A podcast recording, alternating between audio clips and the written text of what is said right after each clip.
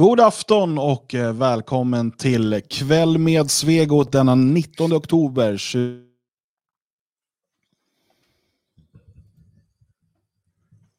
som drivs av föreningen Det fria Sverige.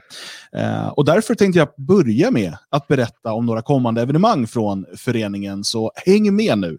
Eh, den 24, alltså nu på lördag, så är det bildande möte för DFS i Skåne som kommer bilda en kommunförening för hela länet. Ja, det låter konstigt, men det är så det eh, bildande möte för DFS Skåne. Där har det stängts för anmälningar eh, så att eh, det mötet kommer gå av stapeln med väldigt mycket folk, men det går inte att anmäla sig längre. Men då kan man istället på lördag åka till Svenskarnas hus som håller öppet för allmänheten eh, från klockan 12. Eh, och klockan 16 då kommer Magnus, som ni ser här bredvid mig i bild, eh, att eh, hålla sin budkavle han skulle ha hållit en budkavle nu i, i lördags, alltså ett, ett längre tal för ett, hans tal till nationen kan man säga. Men eh, var typ tvungen att i sista sekund sjukskriva sig. Han kan säkert berätta mer om det sen. Den 25 då på söndagen så är det planeringsmöte i Uppsala. Eh, lördagen därpå alltså lördag den 31. Då är det två evenemang från föreningen. Dels så eh, ska man besöka Västmanlands läns museum eh, för de som bor i regionen eh, som inte kommer till Svenskarnas hus. För det är det man borde göra, eh, inte på museum. Men man kan faktiskt få in båda två. Eh, de har lite olika tidpunkter. För att eh, i Svenskarnas hus på lördag den 31 eh, så har vi ett eh, större evenemang som heter Till förfädernas minne. Som kommer bli en mycket, mycket speciell kväll tillsammans.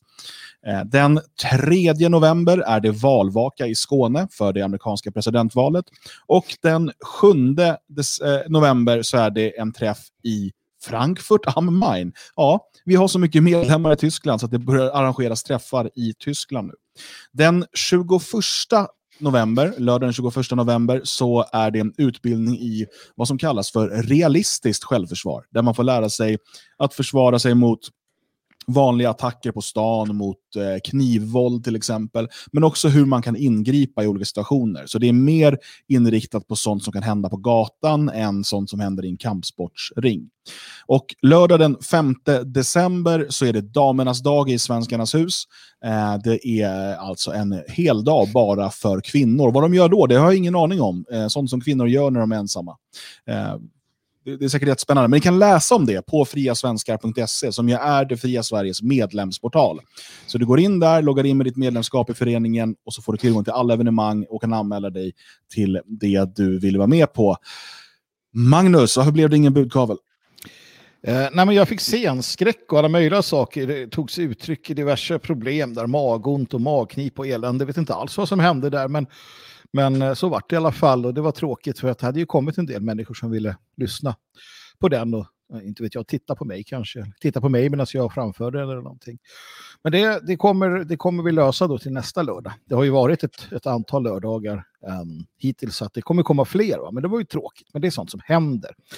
Uh, och tyvärr så, så hade vi ingen som kunde så att säga träda in i mitt ställe och, och sådär hastigt och lustigt leverera någonting. Uh, men det var inte det jag ville prata om. Det är något helt annat jag vill ta upp så här i början av sändningen. Eh, två saker faktiskt. Det ena är att jag funderar på, eh, det slog mig nu, jag skulle vilja göra en kurs i orealistiskt självförsvar. där man lär sig att till exempel bemöta streckgubbar, pam pantomingubbar, eh, positivspelare. Men en annan sån här, jag vet inte om ni har sett dem i amerikanska bilförsäljarställen där såna här som står och viftar. Ja, just det. Mm. Sådana. Hur gör man om en sån snor sig runt halsen på det, det eh, kniv är bäst kan jag säga. Det är nog en bra idé där. Eller om du träffar en, en tuff antifa eller någonting. Alltså orealistiska... Nej, men orealistiskt självförsvar uh, skulle kunna vara någonting. Uh, jag ska uh, fundera på det. Det andra, det är det här. Alltså, jag följer en del personer på Instagram och Twitter och, och sådär. jag håller inte med dem om allt de gör alltid jag kan tycka att de är intressanta i alla fall. Uh, och om de gör någonting jag inte uppskattar, antingen så bryr jag mig inte, eller så säger jag någonting om det, eller så ja, slutar jag följa dem. Det jag inte gör är vad de gjorde mot mig idag. Jag har en, en, en sån här Instagram uh, med bilder, där jag lägger upp bilder. Och jag hade lagt upp en bild från mig själv när jag var 14 år gammal, när jag precis hade blivit misshandlad utav ett eh, invandrargäng. Och samma kväll så rakar jag, eh, rakar jag av håret och blir skinhead för jag tänker så ska man bemöta detta invandrarvåld. Jag gör också en, en hälsning på den bilden som jag la upp tillsammans med mina kamrater. Många år sedan. Den bilden hade alltså någon anmält. Så när jag skulle logga in på Instagram så stod det det här var hatiskt, den har vi tagit bort. Och det gör mig så jävla sur. För det är någon feg fan som sitter där någonstans och bara det här gjorde kränkt sådär. Men varför följer människan? Alltså vad är det för jävla människor? Sådana borde avrättas. Ja, men de borde ju avrättas, tycker jag. Men följer de dig? Har du så att bara ja. dina följare kan, kan titta Nej, nej, nej, alla kan se. Jag, jag håller inte på med sånt där bakom väggar och, och sådär. Nej, men bara betal... Alltså, det är bara betalväggar. Jag gör mig med bakom. dina följare. Jag skiter i vem det är. Ja, Magnus, du borde lägga din Instagram bakom en betalvägg. Det ja, det ska jag göra. Det sitter ju mängder av människor och bara letar inlägg. Jag blir ofta av med mina inlägg så här, jo, två år gamla och sånt. Det vi måste prata om är hur sjuka de här människorna är. Det är ju inte alltså, mina följare som gör det. Det, är ju besatta, galna, sjuka människor som bara tror att världen blir... De tror att världen blir lite bättre om en 14-årig Magnus... Men de följer ju dig också, Björn. Det är ju dina följare. Det kanske inte är följare du gillar, men ack, det är dina följare, Björn. Nej, alla följare jag har gillar mig. Utan det är ju andra Dåligt. som går in och tittar och bråkar. Dålig stil, du som gjorde detta. Dålig stil. Om jag någonsin, då så. Annars är det bra tack. Hur är det med er? Jo, det är fint. Uh, Björn, uh, hur är det med dig? Jo, det är väl uh, bara bra. Måndag betyder ju sändning. Brukar också betyda övertid så att jag får stressa hem för att hinna med det här. Men idag så slutade jag i bra tid. Han hem i lugn och ro. Eh, han tar en dusch innan jag slår mig ner här. Eh, byta kläder. Massa sådana grejer som jag sällan hinner med. Utan i vanliga fall så blir det typ så att jag står i farstun och byter till, eller bara slänger på mig andra kläder ovanpå det andra och rusar in så här, och snubblar och slår i hakan, börjar blöda. Och sen så sätter jag mig i sändning och så har jag inget ljud och så är det massa, men idag så bara allting bara klaffade och jag kom fram i tid. Jättebra, alldeles strålande, utmärkt. Härligt. Eh, då kommer det bli ett riktigt dunderprogram idag när du är, när du är så väl förberedd nu. Nej, jag är inte förberedd och jag är jättetrött. Men jag kom hem i tid. Ah, ja. ah, ja, det där är inte separata saker, jag förstår. Jag förstår. Um, vi har ju faktiskt ganska många ämnen som vi vill hinna med ikväll. Uh, och, och, vi har ju listat alla dem i förväg, för er som kollar på YouTube så står de under här under direktsändningen och så. Det är inte säkert att vi kommer hinna med alla. Uh, vi försöker inte stressa igenom ämnen i det här programmet. Uh, Magnus, du ja. pekar på dig själv så jag antar att du vill säga någonting. Tack så mycket. Innan, innan du får berätta hur det med dig.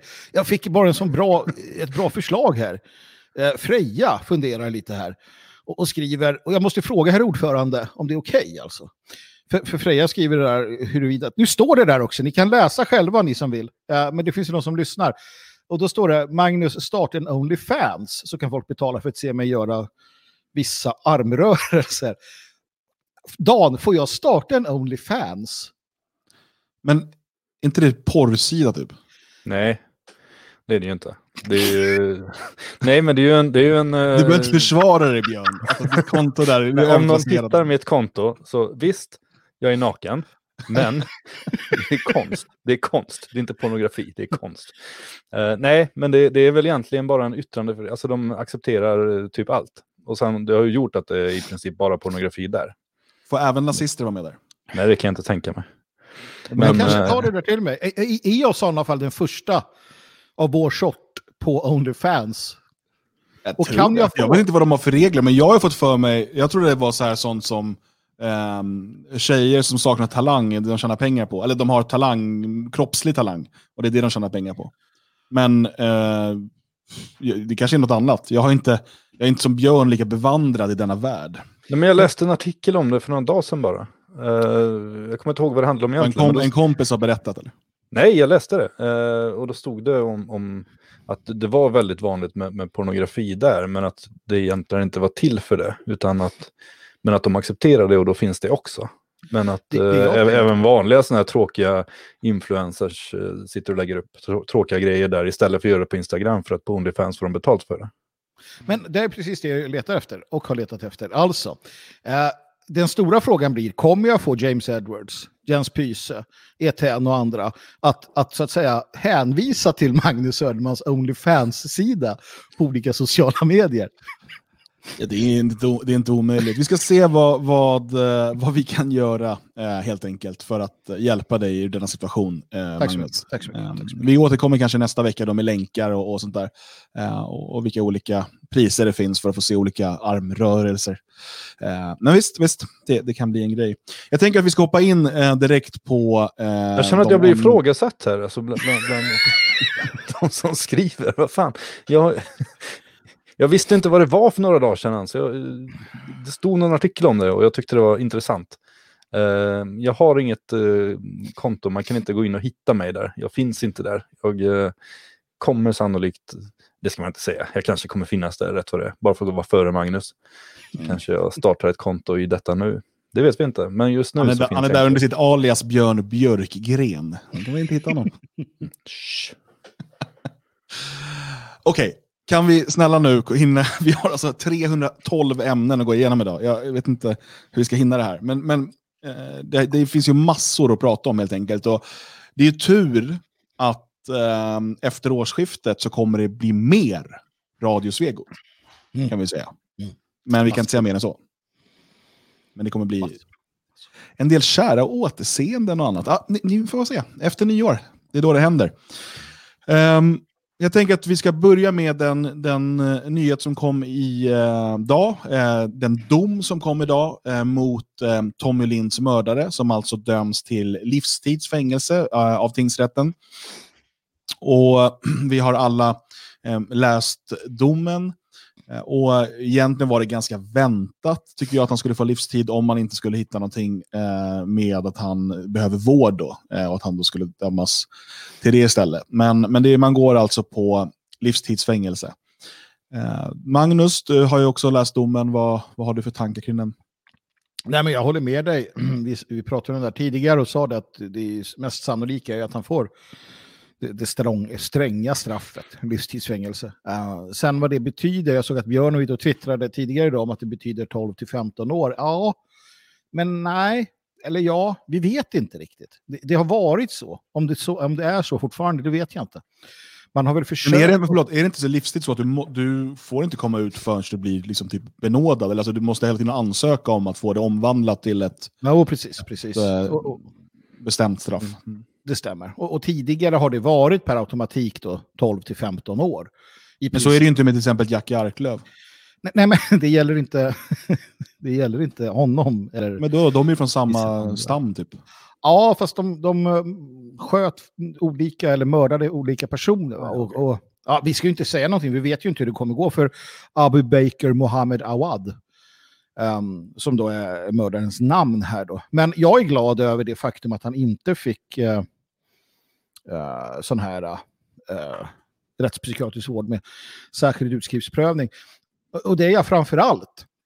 Uh, alltså det kan ofta leda till längre, fäng längre, längre inlåsning. Det ska man vara, vara på det klara med. För där brukar det vara särskild utskrivsprövning. Så det brukar vara så. Uh, inte alltid, men det brukar vara så. Men jag vill att han ska hamna i fängelse. Och jag vill att han ska hamna bland riktigt elaka jävlar. Eh, som med tiden eh, så att säga gör hans dagar väldigt långa. Hans nätter väldigt hemska. Och det är det enda man kan hoppas på i det här fallet. För att eh, de lagar vi borde ha, har vi inte. Och de straff vi borde ha, har vi inte. Fast problemet med det är väl att han, eller det finns många problem och vi kommer att komma in på dem, men han kommer väl placeras eh, på sin specialavdelning för eh, sexualförbrytare. Ehm, Brukar man inte göra så för att de inte ska bli ihjälslagna? Eller vet du någonting jo. om det, Björn? Jo, ja, men det är väl sannolikt att han hamnar ihop med, med Englas mördare och de typerna. Jag kommer inte ihåg vilken anstalt det är de sitter på. Och innan det börjar diskuteras, jag har inte suttit på någon sån anstalt innan chatten kommer igång här. Men med, på hans Onlyfans kan ni få se bilder inifrån. ja, där finns det. Eh, jo, nej, men det är väl ganska sannolikt att han hamnar på en sån anstalt. Men, men det är inte alltid de sitter där för evigt heller, utan sen när de ska börja ut i, i verkligheten så hamnar de ju ofta på någon öppen anstalt först. Eh, klass 3. Mm, kommer inte ihåg vilka det, det finns för närvarande. Skänninge var ganska vanlig förr, att de hamnade på sista eh, perioden innan de kom ut och där sitter det vanliga bovar och banditer och diverse. Uh, så, så, att förr eller senare så beblandas han nog med, med även uh, uh, vanliga kriminella. Men, men till att börja med så kommer han ju sitta med likasinnade. Men kan vi också komma överens om en sak? Jag tycker ändå att det här lite alltför sällan framgår i debatten. Um, de jag känner som har suttit i fängelse. Nu har jag själv inte suttit i fängelse. Och jag aspirerar inte på att göra det. Och Björn har jag nog inte talat med om detta. Men alla andra som jag har talat om detta med som sitter i fängelse, alla är rätt överens om att det är för jävligt att sitta i fängelse. Alltså, att, att sitta inlåst. Uh, att inte, och har du inte gjort det så tror jag att eh, de flesta säger också att har du inte gjort det så fattar du inte vad det innebär. Uh, det här att du är inlåst, att du inte bestämmer när du får gå dit och dit och dit, när du får äta, du kan inte bara gå och ta en cigg eller gå och ta en kopp kaffe eller vad du nu är van vid. Många tänker att ah, men det är som att sitta hemma när man är sjuk och inte kan... Nej, det är det inte, så vitt jag förstår. Så att eh, ja, jag är för eh, stränga straff. Ja, jag skulle vilja se att den här personen avrättades, eh, att vi hade de, de lagarna och reglerna. Men det är inte bara guld och gröna skogar att sitta i ett fängelse. Jag eh, tänker att Björn kanske har något att tillägga där som ändå har suttit i fängelset ett par gånger. Ja, nej, men jag tror att det beror på lite. Eh, jag tycker väl att det är det värsta jag varit med om. Jag vill inte, absolut, aldrig mer, men det var ju inte det att det var fasta rutiner och sånt. Och, jag menar vadå, man, man får mat serverat tre gånger om dagen, man får man har tillgång till gym dit man kan gå varje kväll, man, man har det ganska bra. Det jag hade jävligt jobbigt med det var ju alla de andra som bodde där. Alltså, jag satt på en anstalt eh, eh där det var i princip alla var knarkare och i princip alla var aktiva knarkare inne i fängelset. Vilket gjorde mig väldigt misstänkliggjord som inte ville handskas med de där grejerna. Liksom, utan jag, fick ju, jag stod upp och spelade biljard vid något tillfälle, så kommer det upp fem personer och bara börjar gå runt en cigg och sen när inte jag vill ta den så tyckte de att jag var väldigt mystisk. Och jag fick inte, de tyckte inte jag skulle få gå därifrån förrän de var klara så att inte jag skulle springa ner och hämta några vakter. Och. Mm. Jag försökte förklara att jag skiter i vad ni håller på med, liksom, men, men jag är inte intresserad av att delta i er verksamhet. Uh, och bara umgås med sådana människor dygnet runt är jävligt frustrerande. Men för de andra kan jag inte tänka mig att det är speciellt jobbigt. Liksom, utan de får ju allting serverat och sen dessutom umgås de med samma människor som utanför. Så, ja, ja jag, jag vet tänker... inte. Jag, jag tyckte det var... Uh, jag vill inte dit igen. Men, men, uh, men jag, jag, tyckte det var mer trivsamt att sitta i skyddshäkte, eller så här, inför, innan jag fick någon dom, sitta mm. häktad i, i fyra månader. Eh, då var man ju helt för sig själv, kunde läsa böcker och kolla på tv. Och, ja, ta det lugnt, man hade ett litet rum där. Eh, det var betydligt sen, mer trivsamt. Är ju, det är ju ett straff som också blir värre beroende på din egen livssituation. Mm. Alltså jag, jag, tänker att, eh, att det är ju värre om man till exempel tar barn hemma och sådär, man, man liksom, som man inte får träffa. Och den här sudanesen har väl inget sånt vad jag vet. Så, så det är väl lite sånt också som kan... Nej, och sen är ju problemet också att om han hamnar bland en massa pedofiler och sånt, då kommer han ju hamna ganska högt i rang. Mm. Eh, pedofilerna står ju alltid lägst, eh, oavsett. Han är en vanlig våldtäktsman så att säga och dessutom mördare. Han kan nog vara ganska eh, kaxig inne på, på de avdelningarna. Eh, skulle jag tro. Ja, vi får väl se som sagt. Alltså, men först och främst, han kommer ju inte hamna på vad man kallar för en öppen anstalt. Jag såg att man konstaterade att, att uh, där är det hur bra som helst. Det blir det ju inte. Den blir ju Nej, en, inte de första 10-12 åren i alla fall. Men sen Nej. kan han ju... Ja, sen kan det ju bli vad som sen helst. Sen går det ju vidare. In, innan man kommer ut så blir det ju olika. Man går en trappa liksom för att komma ut. Ja. Sen blir det mer och mer frigång och sådär. Sen kanske fotboja på slutet. Precis. Sen, sen beror ju allting på honom själv också. Han kan, ju, han kan ju hamna i isolering. Han kan ju ställa till det för sig. Han kan bli ovänner. Uh, vi såg ju till exempel hur, förvisso då, Engla, Änglamördaren, han har ju blivit misshandlad i fängelse fler, flertal gånger. Uh, men jag tror återigen så, så tror jag att jag, jag försöker i alla fall trösta mig med tanken på att det inte är så där vansinnigt kul att sitta i, i vad som han kommer göra till en början isolerad i ett fängelse med vetskapen om att du kanske aldrig kommer ut därifrån. Och det är väldigt trångt mm. och eländigt. Så att någonstans så, så ja, uh, guld och gröna skogar kommer det inte vara, men uh, bara för att dom har fallit har vi inte fått rättvisa. Det kan vi vara säkra på. Mm. Um, jag har ju väldigt, väldigt svårt för uh, den här typen av straff. Alltså jag, jag, förstår att enligt den nuvarande lagstiftningen, det här är det strängaste straffet han kan få. Um, vi har inte dödsstraff. Enligt nuvarande lag kan han inte utvisas eftersom han är medborgare och så vidare. Jag, jag, förstår det. Och på det sättet kan man säga att det var det bästa utfallet som kunde ske, eh, juridiskt. Um, men när jag bara tänker på att den här människan som aldrig skulle ha varit i Sverige, som har våldtagit minst en svensk kvinna och antastat fler, eh, och eh, dessutom mördat en, en svensk nationalist, Tommy Lind, eh, och vad nu han mera gjort, nu ska då försörjas av svenska arbetare eh, liksom i, i vem vet hur länge. Jag tittar upp, alltså genomsnittliga kostnaden för att ha någon på anstalt är 3202 kronor per dygn. Och eh, är det högsäkerhetsfängelse så är det ju mer. Men, men, men bara man räknar där så är det eh, nästan 1,2 miljoner per år eller 100 000 i månaden. Det betyder att åtminstone 10 normala eh, alltså tio svenska arbetare med normal lön går till jobbet varje dag bara för att försörja eh, Tommy Linds mördare. Mm. Det är tio stycken arbetare vars skattepengar hade kunnat gå till svenska pensionärer, som hade kunnat gå till, till svenska skolan eller vad man nu tycker är viktigt. Mm. Och, och, det här, jag, jag vet att man liksom behöver arbeta i, i fängelse och så vidare. Och, men, men kostnaden är, är liksom enorm och han är inte vårt ansvar. Alltså en, kula eller två har varit betydligt billigare och ett betydligt mer rättvist straff. Um, jag vet att en del tycker att det är för uh, liksom, enkel väg ut. Jag håller inte med. Uh, och Jag tycker att, att dödsstraff är det enda rimliga i det här läget. Uh, och sen att han aldrig skulle ha varit här från början. Ja, som sagt, det här är det hårdaste straff han kan få enligt nuvarande lagstiftning. så det är svårt för en åklagare att göra någonting annat. Men det är också väldigt, väldigt frustrerande att de här tio svenska arbetarna ska gå och jobba i kanske resten av sina liv för att han ska kunna sitta i fängelse. Jo, jo, men det är ju svårt ändå, men jag tycker ändå... Jag hade gärna varit med och betalat om, om det ändå blev ett mer rättvist straff på det sättet att han är ju inte ensam om det här, utan vi, vi har ju mängder av politiker, mängder av journalister, mängder av patrask som ligger bakom hela det här. Det är de som har dragit hit han, det är de som har lockat hit han, det är de som har försörjt han här, det är de som har sett till att du ska vara här. Det är de som inte har sett till att han har åkt ut när han har begått sina första brott.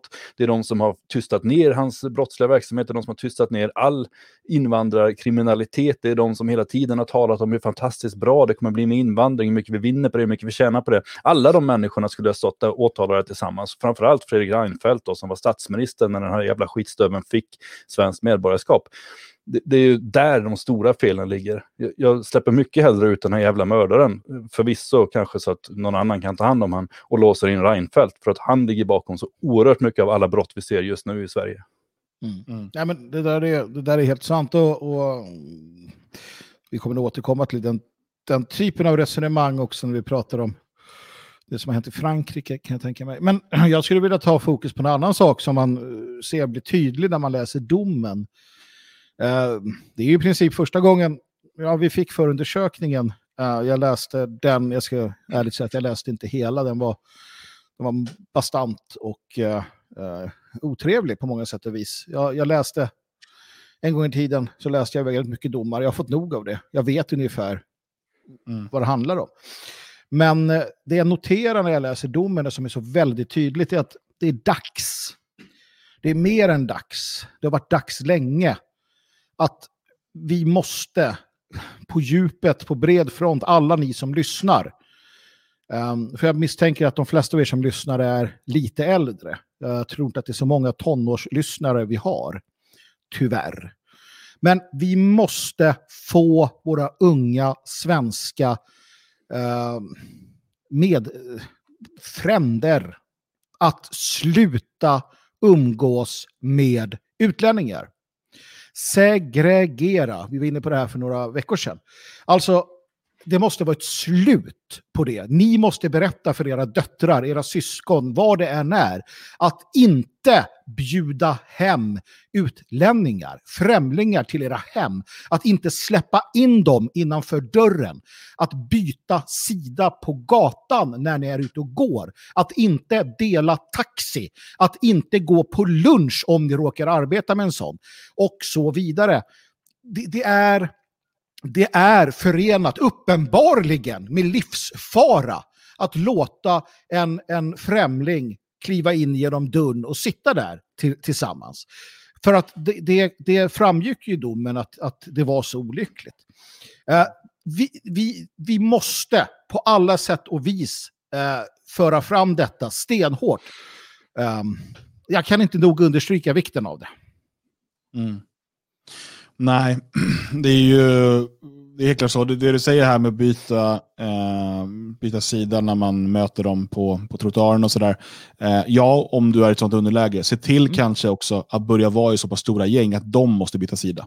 Ja. Eh, det, ja. det, är ett ännu bättre steg. Men eh, ibland eh, är det bättre att, eh, att hålla sig undan om man är i, i underläge. Um, Nej, visst är det så. Och, eh, det är alltid lätt att vara efterklok. Eh, och, och, man kan ju konstatera att hade Tommy Lind varit mer rasistisk eh, och hade hans vänner varit det, så hade han levt idag. Mm. Um, och, och det, det, är, det är väldigt, väldigt tråkigt konstaterande. Men jag, när jag läste domen och när jag läste förundersökningen så började jag tänka tillbaka på min egen, liksom, när man själv var i den åldern. Och jag var ju eh, liksom, eh, ja, såg mig som nationell då, också som 19-åring. Eh, men jag minns ju liksom att det kunde, kom, på efterfester, att det kom eh, utlänningar dit och att man ibland släppte in dem. Eh, eller att de kom med, de kom med några tjejer eller de kom med, med några andra. Eh, och att det liksom, ibland var det det, det alternativ man valde för att det var vart mindre problem. Um, och jag, jag, jag har, det är så himla svårt att veta vad som först gick i liksom Tommy Linds huvud och så vidare. Det är uppenbarligen väldigt mycket alkohol inblandat i den här eh, situationen, vilket alltid gör att man tar sämre beslut. Mm. Uh, och uh, så, så, Det är svårt att tala om just det här fallet, men man kan ju tala generellt. Uh, så gäller det att, Ehm, och jag menar, ja, ni får tala för er, men jag tror ingen av oss har varit perfekta i det agerandet heller. Utan eh, där är ju eh, men det är absolut någonting som speciellt yngre människor som rör sig kanske mer i liksom eh, hemmafestmiljöer och så vidare av det här slaget, eh, att ta med sig. Eh, ha nolltolerans, helt enkelt. Men jag tycker det är viktigt att du säger, det är intressant också. Det är intressant Eh, att, att, det, att du berättar om att också i dina... För att jag tror att det är en skillnad här. Uh, jag har minnen från ett Sverige utan utlänningar, i princip. Uh, och när jag växer upp så är det inte så där vansinnigt många ändå. Uh, I alla fall inte där jag bor och så.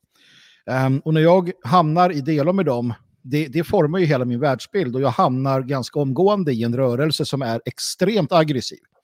Extremt rasistisk.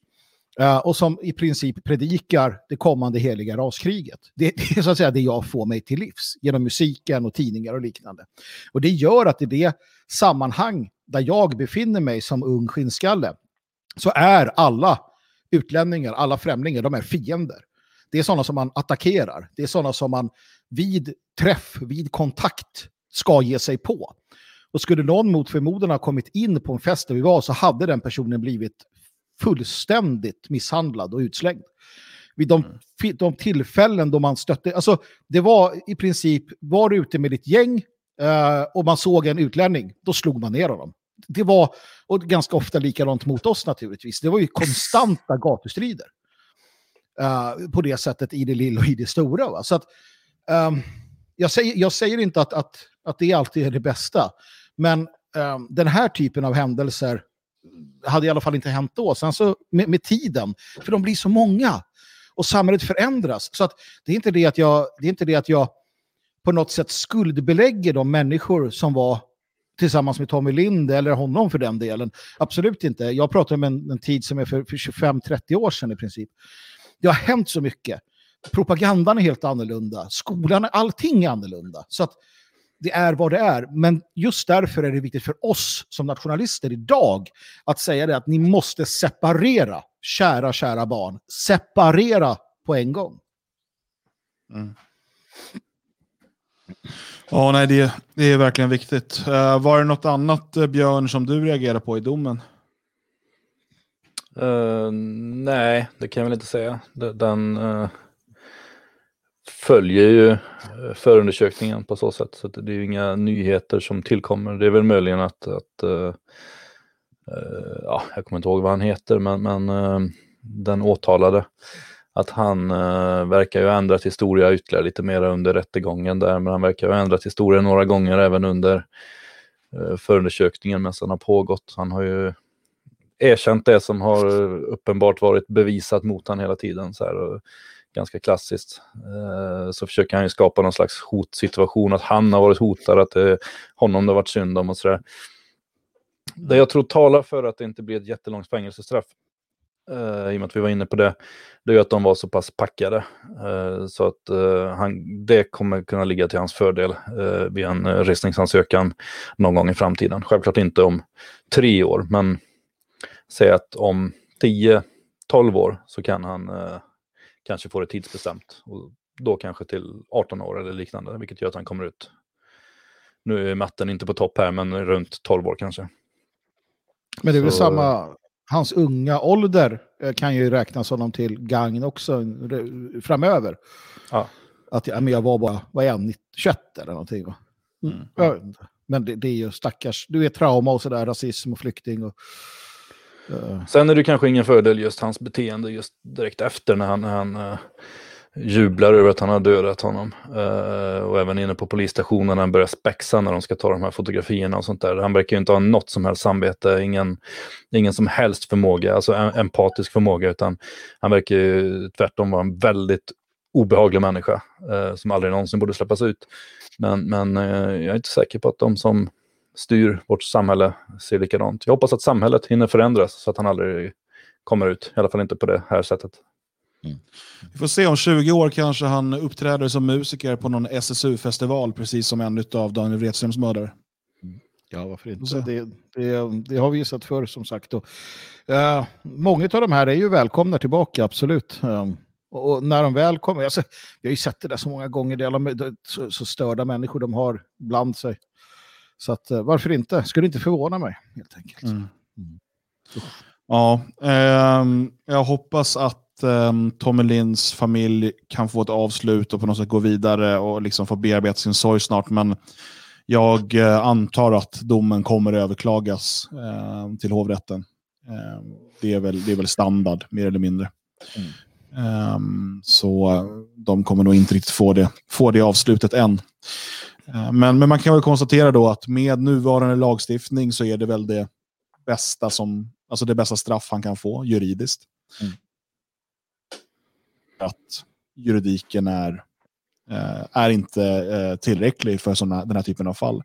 Och självklart eh, med den politik som, som vi förespråkar så hade han ju aldrig varit i Sverige överhuvudtaget. och har något sätt lyckats ta sig till Sverige ändå och av någon anledning fått stanna här ett tag eh, så hade han eh, i bästa fall för honom varit utsparkad redan vid det första brottet.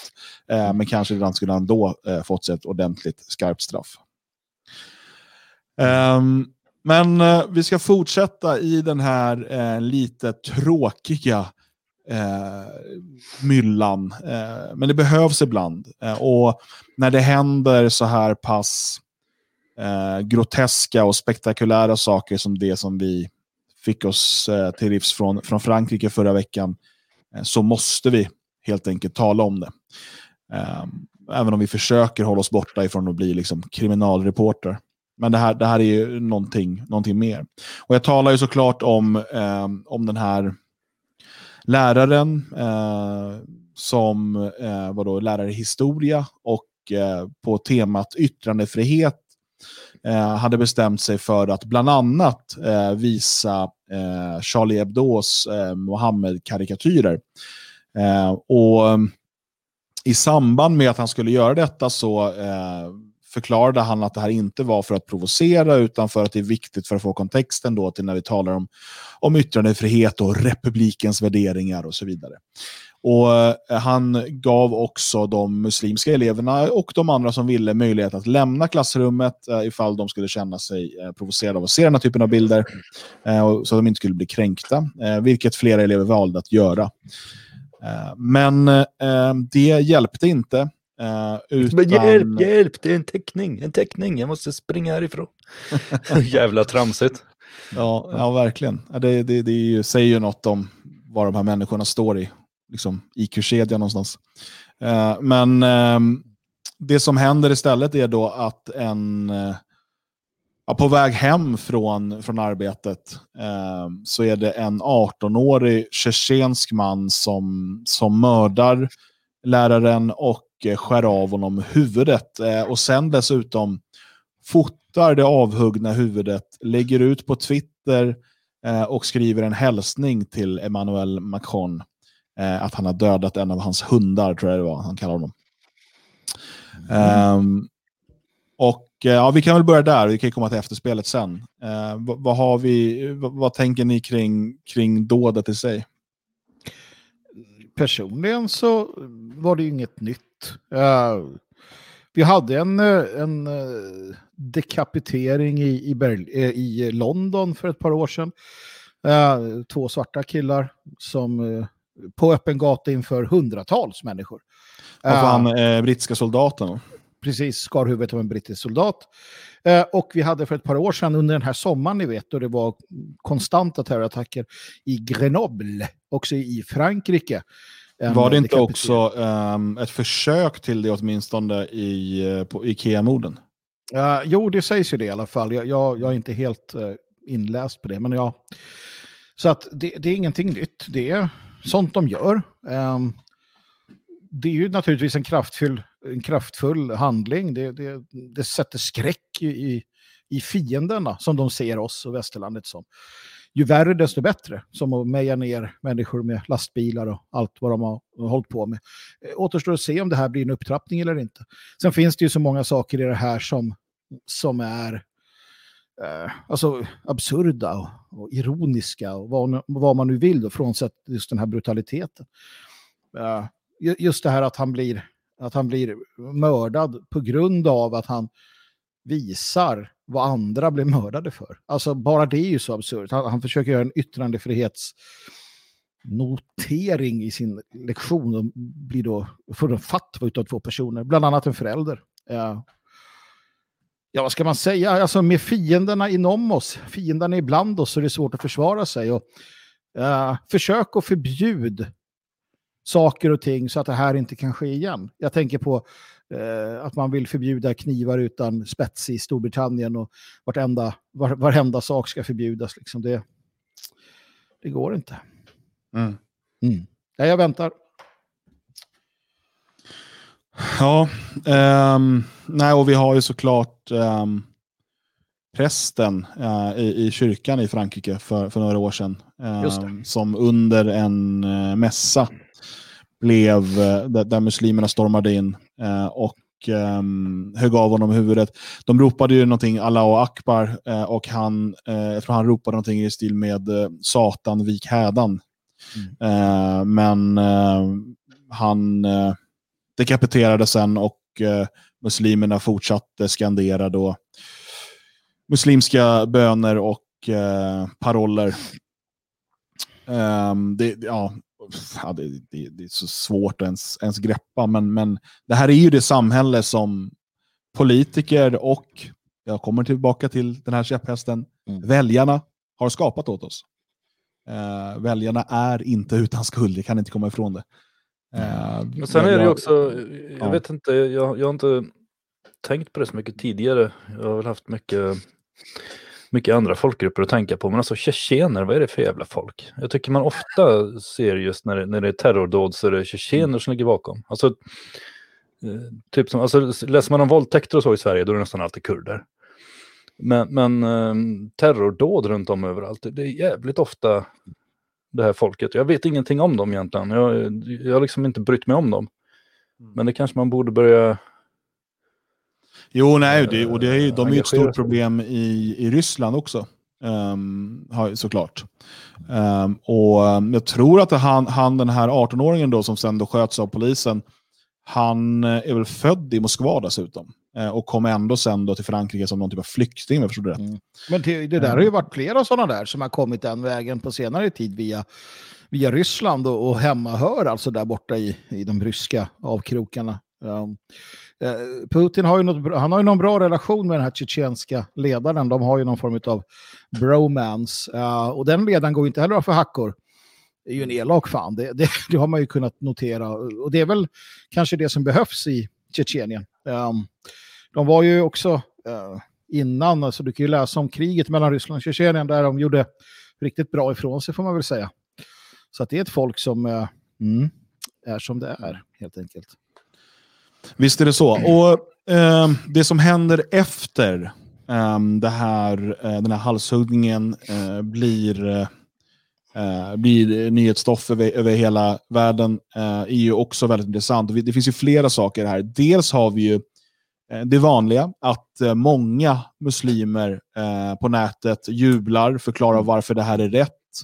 Eh, och eh, Om inte det så finns det de som de åtminstone väldigt tydligt um, förmildrar omständigheterna så att säga. Alltså att jo, men varför skulle han vara visad? Man, man ska inte göra så. Eh, och vi hade den här centerpartistiska uh, politikern som jag såg nu har fått avgå, eller om han har valt att avgå, det är väl någon kombination, eh, som var ute och förklarade att, um, jo, men att visa Muhammed-karikatyr, det ska vara ett brott. Mm. Det här är också ett, en fråga som eh, muslimer i Sverige driver. Vi minns det efter de så kallade koranbränningarna. Eh, att eh, det kom ett starkt tryck från muslimska intresseorganisationer eh, och understöd av en hel del politiska krafter. Att det bör vara ett brott att skända andra religioner. Mm. Eh, och vad som är att skända andra religioner bestämmer då den religionen själv. Och i det här fallet då islam skulle då alltså förbjuda människor som inte tror på deras falska profet, som inte tror på deras falska religion, eh, att förbjuda dem att måla en typ av teckningar. Det, är, alltså, det, det säger sig självt att, att vi inte kan ha ett samhälle där eh, den typen av eh, lagar kan, liksom, kan stiftas. Jag, jag, jag, tänker bara på... eh, jag tänker Men, på för, när- fråga, pastafaris, Mm. ska de förbjuda oss att typ, jag vet inte, äta pasta då? Då kanske. äter vi typ upp deras durkslagsgud. Ja, Nej, men det, det är ju en slippery slope naturligtvis. Eh, och, och det intressanta i sammanhanget är ju att man försöker då få det till att jo, men vi vill inte bara förbjuda dig att kränka islam, utan det ska- det är judendom och buddhism och kristendom. De brukar dra med alla de där. Um, jag brukar tänka då på mormonkyrkan som gjorde en fantastiskt rolig sak en gång. Och det var i samband med att man satte upp någon pjäs uh, där man hånade uh, Joseph Smith och grundarna och sådär. Uh, och då kanske vissa tänker sig att de var där och kastade ägg något. Nej, det var de inte. De stod utanför uh, och delade ut Mormons bok uh, till de som kom ut och sa att här kan ni få läsa den riktiga historien om ni vill. Det är så kristna brukar bete sig, buddister inte heller så där vansinnigt. Eh, uh, elände. Alltså, jag, jag tycker väl att vi kanske borde bli hårdare naturligtvis. Alltså, I alla fall så som det ser ut nu, det är djungelns lag som gäller. Så att kanske ska man liksom gå hårdare fram och sådär. Men rent generellt så, så gillar jag ju att att man kan kränka eh, allt möjligt, eh, inklusive islam naturligtvis. Allt annat är vansinne. Men hur skulle det gå då om de fick igenom sin lag? Att du får inte kränka islam eller kristendom. Hur- ska Men- det men- gå? Vad säger så här med här med blasfemilagar? Jag kan tycka att de är rimliga. Om vi säger så här, om Sverige är ett kristet land, eh, vilket det inte är idag, men vi säger att Sverige är ett kristet land, eh, och, och liksom, eh, den absoluta majoriteten, vi pratar 90-95% av svenskarna är troende kristna. Mm. Och att om vi då säger så här, nej, men om du kommer hit till vårt land, alltså du som utlänning, vi pratar inte om andra svenskar nu, Mhm. då har du inte rätt att förolämpa Kristus, du har inte rätt att bla, och så vidare. Av respekt för att du är gäst i vårt land. Mm. Den typen av lagar är helt rimliga. Men här är det ju då främmande folk som kommer med sin expansiva religion till våra områden. En, en religion eh, som vi liksom har legat i konflikt med i 1400 år och, och många gånger liksom har, har krigat med. Mm. Eh, och kräver och, och, och säger att i ert land ska ni inte få eh, göra det här, för det är enligt våran falska profet eh, så är det eh, olagligt. Eller så är det liksom eh, haram. Och, och det är ju helt, helt absurt. Det är en helt annan sak om, om, om saudierna vill ha sin sharia-lag, det är, jag åker inte dit. Det är en nej, helt nej, annan sak. precis. Nej, och det där är en poäng nog så viktig att göra i sammanhanget faktiskt. För att det är en, en minoritet fortfarande, en minoritet som kräver att majoriteten ska anpassa sig till deras religiositet. Och det, det, är, inte, det är inte rimligt uh, alls. Men det kommer fortsätta. Och, om någon anledning så spårar det inte ur fast de, de gör sådana här saker med jämna mellanrum. För att då blir det liksom det gamla vanliga. Va? Det blir Chesui Samuel, Chesui Charlie. Det blir uh, inte alla muslimer naturligtvis. Uh, det kan vi skriva under på. Det, det, det är det logiska. Inte alla muslimer naturligtvis. De Mm. flesta muslimer är, är absolut inte Och inte sådana alla som... tjetjener. Och... Nej, nej, absolut inte. Ja, det vet vi inte. Just den lämnar vi öppen.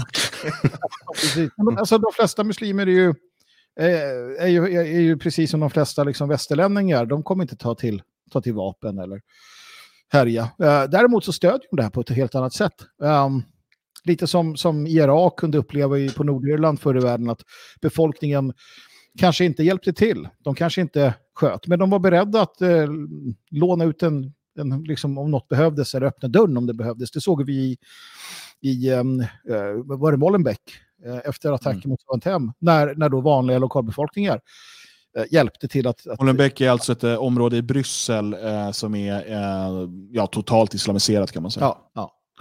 Och i, även vi har sett det i Luton i, i Storbritannien, eh, i London, va? Eh, liknande. Att, att, nej, man, man, man är inte terrorist själv, va? men man stöttar ju dem. Men det jag tycker är spännande och intressant, och jag vet inte riktigt vart jag ska placera det här. För att mitt i alla dessa Je suis Samuel och, och så, så kommer ändå inrikesministern i Frankrike och säger, nej men vet ni vad, nu ska vi kasta ut 200 plus eh, islamister som sitter i fängelse eller som vi ska gripa och kasta ut. Och därtill ska vi avfinansiera ett antal eh, sådana här muslimska församlingar och föreningar. Och jag tänkte, vad fan sa han? Vad, vad hände där? Um, och det är den frågan jag ställer till er. Vad hände där? Två saker. Eh, det ena är att det här var ju sådana som, för 180 av dem sitter redan fängslade och ska väl egentligen, det är bara att man nu skyndar på det lite grann. Eh, ska redan utvisas. Jag tror man passar på att liksom försöka få en politisk poäng i något som ändå skulle genomföras. Eh, men det andra är, eh, det är att för att politikerna ska kunna hålla liv i det här mångkulturella projektet ett tag till, så måste man lösa frågan med den så kallade islamismen. Alltså de muslimer som går från ord till handling. Ehm, för att det är, inte så att, det är inte så att muslimerna som gör det här gör det utan, stöd, utan stöd i deras, ehm, i deras skrifter. Eh, tvärtom. Men eh, det, är, det är långt ifrån alla muslimer som är beredda eh, att, eh, hugga huvudet av någon för att den då påstås ha förolämpat deras profet. Ehm, och, och Man måste försöka hitta, lösa, hitta, hitta sätt att lösa det. Och vi ser samma sak i Sverige när man talar om liksom, förbud av eh, jihadistiska organisationer och, och, liksom, och, sådär.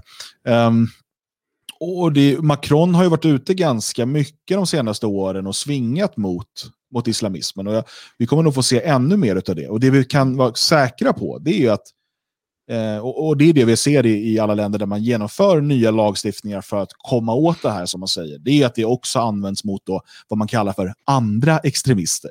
Alltså eh, kan vara franska identitärer eller, eller eh, flamländska nationalister eller vad man nu vill. Eh, men, men man genomför sådana här lagar eh, och, och sen kan de användas eh, mot alla som man då menar är extremister. Och alla som är extremister, det är alltså alla som inte är eh, för en, liksom, den liberala demokratin och eh, eh, liksom, eh, de, de, de, den värdegrund som i hela västvärlden vilar på idag. Ja, det räcker ju inte där ens. Utan, jag menar, vanliga muslimer stödjer ju inte det. Men, men Mm. de klassas ju inte som extremister. Vanliga vänsterextremister, alltså mm, typ ja, de som inte är ute och kastar sten, men som ändå, alltså, typ Sveriges Radio. De Mm. klassas inte som vänsterextremister, utan bara som försiktig vänster eller så. Däremot nationalister som inte använder våld klassas ju som högerextremister eller våldsbejakande extremister bara genom sina åsikter. Eh, alla de andra, då måste man ju verkligen vara ute och begå våld. Vänstern måste kasta sten, de måste sätta eld på städer, de måste bränna bilar. Likadant med muslimer, de måste skära huvudet av folk för att klassas som extrema. Medan nationalister räcker det med att man tycker att det är dumt med invandring och, och kan se ett mönster vilka som styr samhället. Då, då, är man en extremist. Det är så man buntar ihop dem och det är så man kommer förbjuda också när man får möjlighet även i Sverige. Mm. Sen är ju frågan hur många Mahmoud eh, Addas finns det där ute? Centerpartisten där som, som just eh, visade, ändå, visade ändå ganska mycket sympati med det som hade hänt. Va? Mm. Han råkade försäga sig, det blev ett jävla liv. Hur många Mahmoud Addas finns, och det här var Centerpartiet, hur många finns i sossarna, hur många finns i vänstern, hur många finns i Miljöpartiet och så vidare. Och så vidare. Så han, tyckte, han tyckte att han var smart ja. Han skrev ju på, ja ah, det är dumt att mörda folk, det, det, ska man inte göra, skrev han på svenska. Och sen på arabiska bara, men det är ju ändå rätt att någonting måste ju, de måste ju straffas när man gör så här. Mm. Jävla pucko, han har inte fattat att det finns en liten knapp på, på Facebook man kan trycka på på så får man det översatt. Mm. Nej, och vad var han? Han var ledamot i distriktsstyrelsen i mm. Jämtland. Ja, han, han, har en relativt hög position i partiet. Ja, och haft hand om olika så nämnder och vad det nu heter. Uh, hur många sådana finns det där ute? Och det här var som sagt Jämtland, liksom. det är ingenting man tänker att, vänta Jämtland, var det inte där de sa att eh, när, när, de, när, när, Stockholms, när Fjolltrösks problem kommer hit, då ska vi minsann sätta stopp för dem. Just det. Det var visst inte mm. så heller. Nu var jag elak. Nej, nej, bes besök Östersund idag. Du kommer, eh, du kommer få en flashback till Stockholm på typ 90-talet. Fan, det gjorde alltså, jag för länge sedan. Då sa de att uh, vi, har jä vi är jägare, det kommer inte komma några sådana. Det är ni i Fjollträsk som är så jävla larviga. Mm. Okej, okay, Norrland. Säger väl så. Men, men ähm, ja, och eh, det finns många sådana här. Problem, problemet för några av dem är att de försäger sig. Eh, det är samma sak när, när det liksom började uppdagas i Miljöpartiet. De lyckas inte hålla sig på mattan tillräckligt länge. Men vi kan ju vara säkra på att för varje som försäger sig så finns det hundra som fortfarande håller tyst. Mm. Så, så är det helt klart. Um, tycker du också det var intressant med um, den här uh, Christian Katomeris. Uh, ni vet han som lämnade han som lämnade Agendas redaktion i protest mot att man använder namnet Hassan för att illustrera en ung kille i förorten eh, i, i, ett så kallat utsatt område som, drogs, eh, ja, som, som lockades till gängkriminella kretsar eh, med, med liksom löfte om att tjäna pengar och status och sånt. Eh, det tyckte han var, var djupt beklagligt. Men att, att han, eh, visserligen det finns en kontext som gör att man kan, man kan släta ut det lite grann, men att han ens väljer att, att beskriva det här som att läraren provocerade fram sin egen död. alltså, det, det, det, det, är ett intressant ordval. Det kommer ju inte, för han rättar sig själv sen. Han mm. säger provocera fram, eh, eller ledde till. Så här. Alltså, han, han, kommer på sig själv. Men det ordvalet kommer ju någonstans ifrån. Det är det, det, är det som kommer eh, top of mind, som man skulle säga på engelska. Mm. Jag tror att det kommer naturligt. Och det är därför han rättar sig. Alltså, det är inget fel att säga att läraren provocerade fram den här attacken mot sig själv. Det är inget fel att säga det i rätt kontext. För det är klart att han gjorde det. Det befinner sig en massa människor i, i Frankrike och i väst som, som utan tvekan blir provocerade av att du gör dylikt och att de är beredda att skära huvudet av dig. Men i den kontexten, och att han rättar sig själv, det är ju det som är det, det, det är liksom påfallande. Och det gör han ju för att han inser att jävlar, nu vart det cut and paste, uh, mun till, hjärna till mun. Det var inte, det var inte tanken. Um, och, och, jag tror att han tycker så någonstans. Att det var onödigt. Vi såg en annan lärare på Twitter.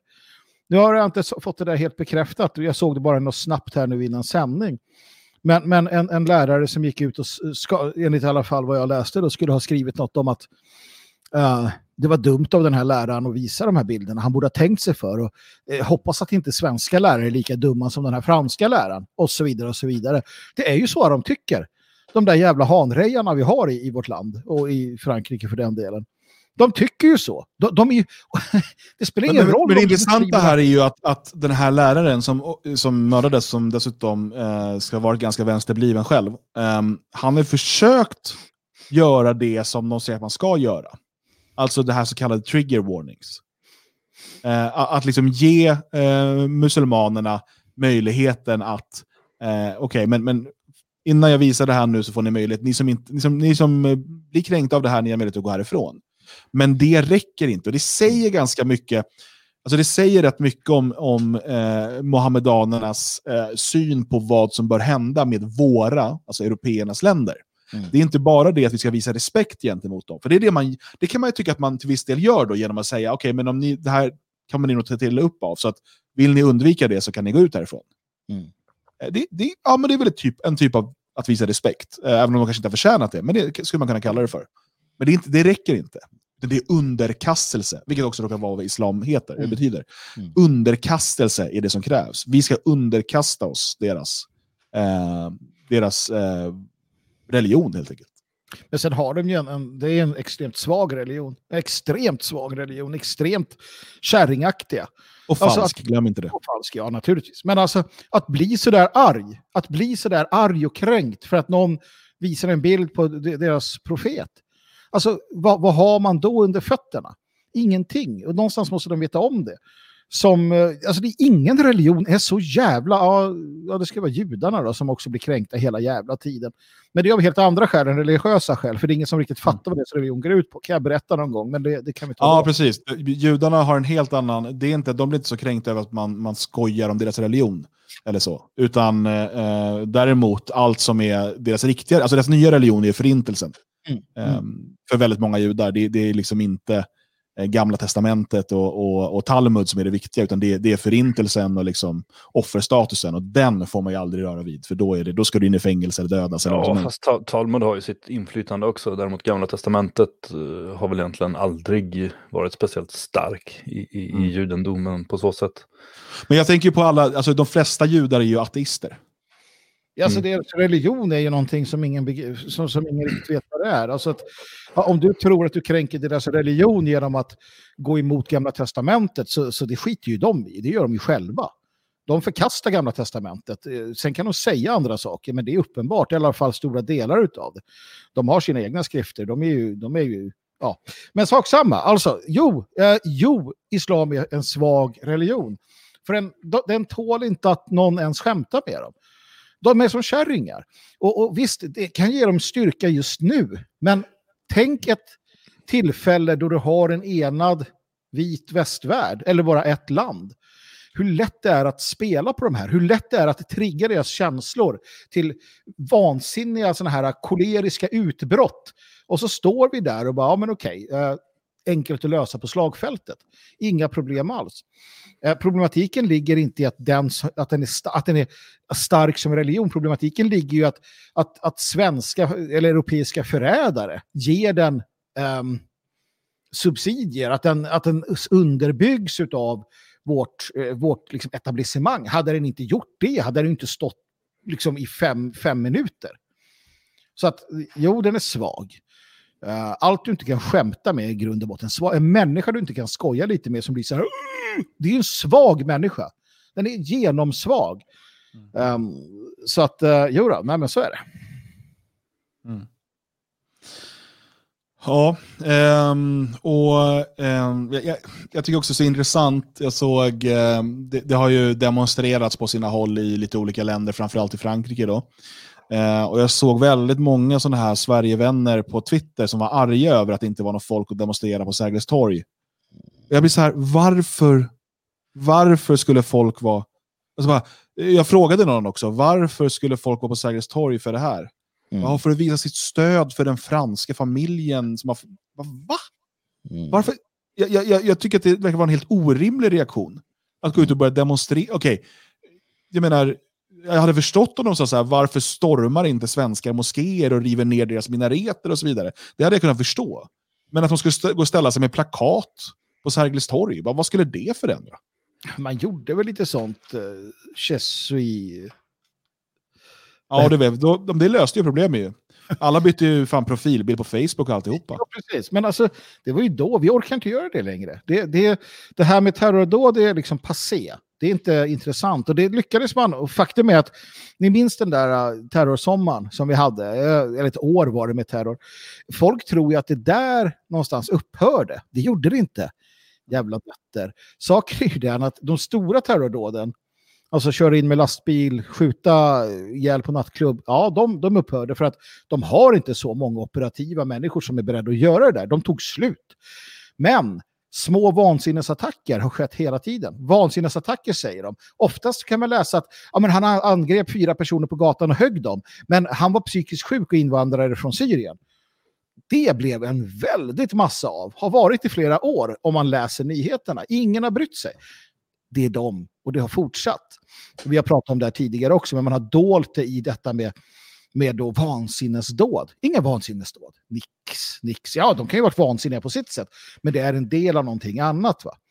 Äh, väl värt att komma ihåg också. Mm. Ja, eh, vi har massor kvar att prata om, så att gå ingenstans, häng kvar. Vi ska ta en musikpaus, sen sänder vi en timme till. Och eh, alltså, som sagt, det, det, finns hur mycket som helst bra. Vi ska prata om det här en hel del till, men, men vi ska prata också om utgångsförbuden i Tensta. Eh, för det, det liksom, vi på, fortsätter se de här tecknen på att vissa delar av Sverige inte ens är Sverige AB längre. Eh, vi ska prata om Thomas Åberg, Eh, den så kallade näthatsgranskaren, som eh, ja, man tydligen inte får säga någonting om, så det blir spännande. Hur vi ska lyckas med det utan att göra oss olagliga. Eh, så ska vi prata om rektor Hamid såklart. Eh, han har sagt det man inte får säga. Eh, och nu är han minneshålad. Och så ska vi se om vi hinner prata lite Joe och Hunter Biden eh, och hur man försöker kom återigen, eller ännu mer, avskaffa det kommunala självstyret. Men först så ska vi höra en låt som också är en uppmuntran eh, och en, en instruktion till eh, hur du ska minimera eh, ditt eh, skatteinbetalande genom att eh, producera själv. Vi är tillbaka efter musiken.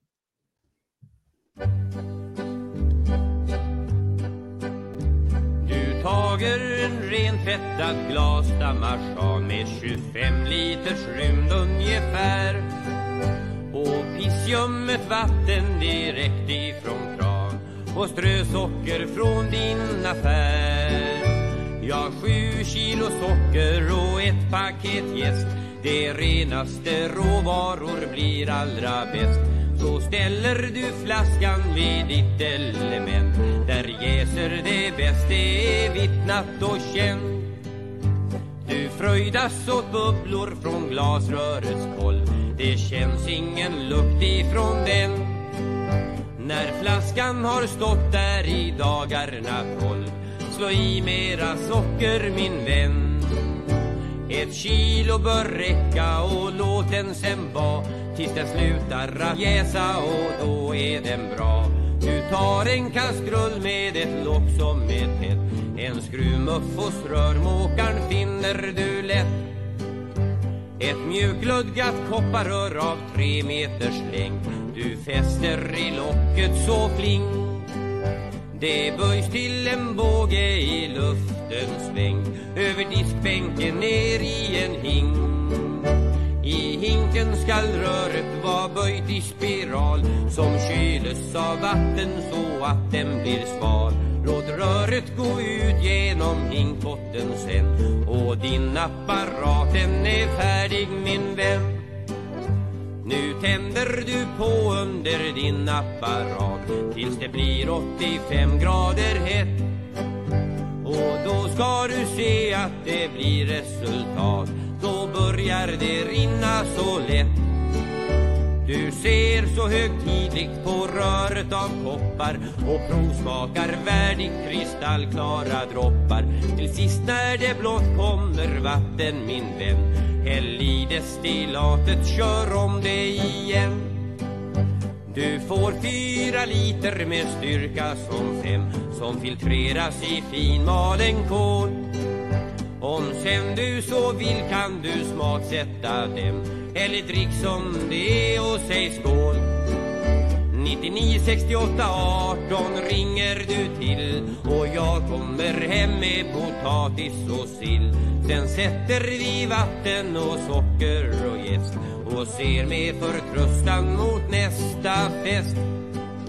Men går du och köper Systembolagssprit Ja, då må du gärna göra i kärlek och omsorg och andäktig flit. Jag trivs när jag själv får köra. Jag föredrar inte fabrikslagad mat. Jag får en liter för tre spänn ur min apparat. Vad vet du om det du från bolaget får? Jag vet att den snapsen är färsk som jag får.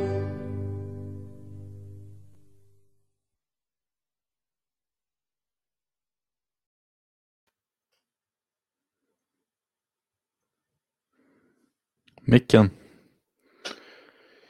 Gutor! Glöms det på micken. Det är bra att det finns där, Björn. Ehm, det finns många sätt att ehm, minska sitt, ehm, eh, sin, sin eh, tvångsskatt till Sverige AB. Ett bra sätt är ju att eh, producera sin egen sprit, alternativt eh, köpa svart utav någon annan som producerar sin egen sprit. Eh, det är sånt vi uppmanar till här, eller hur Björn? beror ju lite på hur mycket man dricker med. Alltså, jag inbillar mig någonstans att har man sin egen apparat så kanske man dricker betydligt mer. Jag vet inte. Jag dricker Ja, men om man ändå ska sprit. dricka sprit så, Ja. så ska man ju antingen ha bränt den själv eller ha köpt den svart av någon som bränner själv. Jag vet inte om det är lagligt att säga så, som du Nej. säger. Jag är inte i Sverige. Ja. Det är lagligt här där jag bor. Ja. Man kan säga så här, att jag, jag eh, föreslog den här låten. Eh, Det räcker så. Men jag, mm, jag tycker den är, den är trevlig. Det är väl Bengt Sent som sjunger, eh, eller om det är han, hans eh, parhäst, jag kommer inte ihåg vad han heter. De har gjort mycket vulgära låtar, väldigt mycket vulgära låtar, men, men de är också roliga. Men, men den här är ju bra på ett annat sätt. Den är eh, fin helt enkelt. Um, något som inte är fint, det är Tensta. Eh, och eh, det är också ganska många av de människorna som bor i Tensta. Inte all, hashtag inte alla i Tensta. Ehm, vi, eh, det blev ju en, en nyhet här i förra veckan om att ehm, kriminella gäng eh, har så här utlyst utgångsförbud. Att polisen hade i, i somras reagerat på att det någon gång var väldigt få ute och rörde sig. Eh, och eh, fick då veta att ehm, eh, ja, kända kriminella, som det kallades då, helt enkelt hade gått runt och liksom fått det spritt att ikväll ska ingen gå ut. Det är utegångsförbud som råder.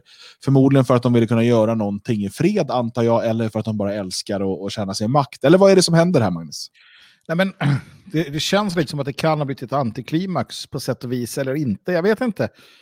Ehm, för att eh, nu har jag läst vidare om detta och eh, det är många i området nu som har uttalat sig till pressen och sagt att nej, vi känner inte igen oss i den här bilden. Däremot så ska kriminella, kända kriminella ha varnat för eh, människor som är ute att ni kanske borde gå in för att ni kan hamna i kläm att man visste att det var något på gång i den här konflikten som har varit eh, mellan, vad fan heter de nu, Shottaz, som jag tror Sara Larsson tillhör va? Eller var i alla fall Eller hon bara ligger med dem, tror jag. ligger med dem, hon sjunger om, eller hon, hon finns i alla fall på film när hon tycker att Shottaz ledare ska, ska släppas fri. Eh, men i alla fall, sen har de här filterlösa grabbar och allt vad de nu heter, jag vet inte vilka, dödspatrullen och allting. Va? Men, så, så att det kan ha varit något sånt för att de Vad är det för namn på svenska gäng? Eller, sve- alltså, svenska, det är utlänningar, men i Sverige.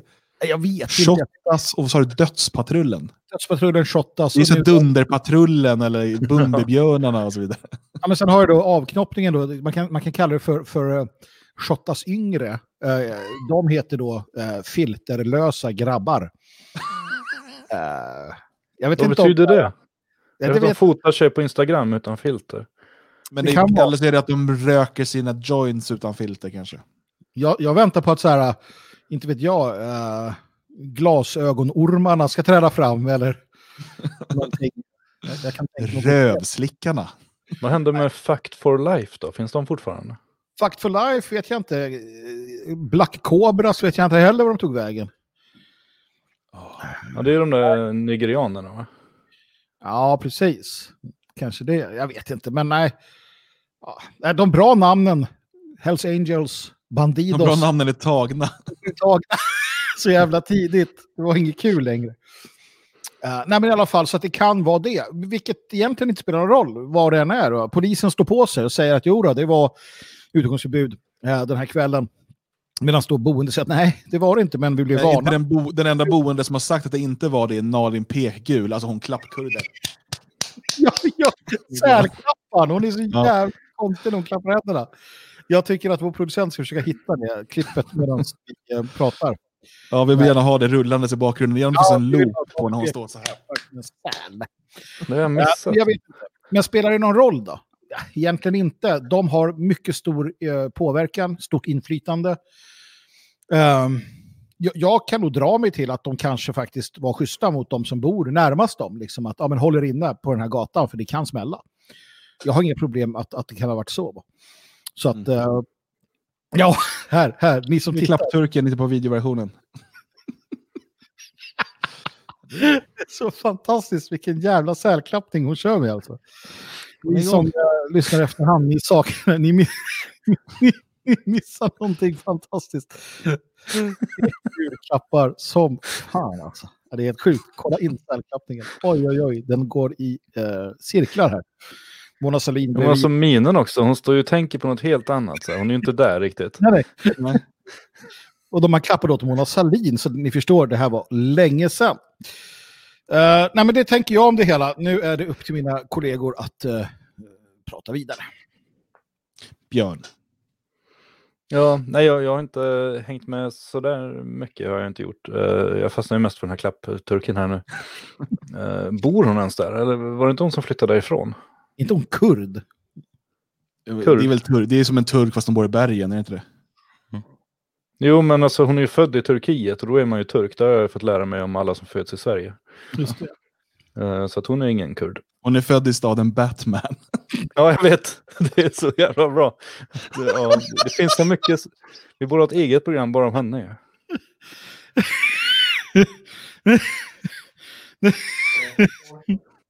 Man, man kan också ägna en stor del av sitt liv åt att titta på, jag tror det är så här typ turkiska, eh, när turkarna har snott amerikanska Hollywoodproduktioner. De har en egen, jag tror de har en egen Stålmannen till exempel. Går att söka på YouTube. Jag tror det är turkarna, eller så är det några andra sådana här fantastiska.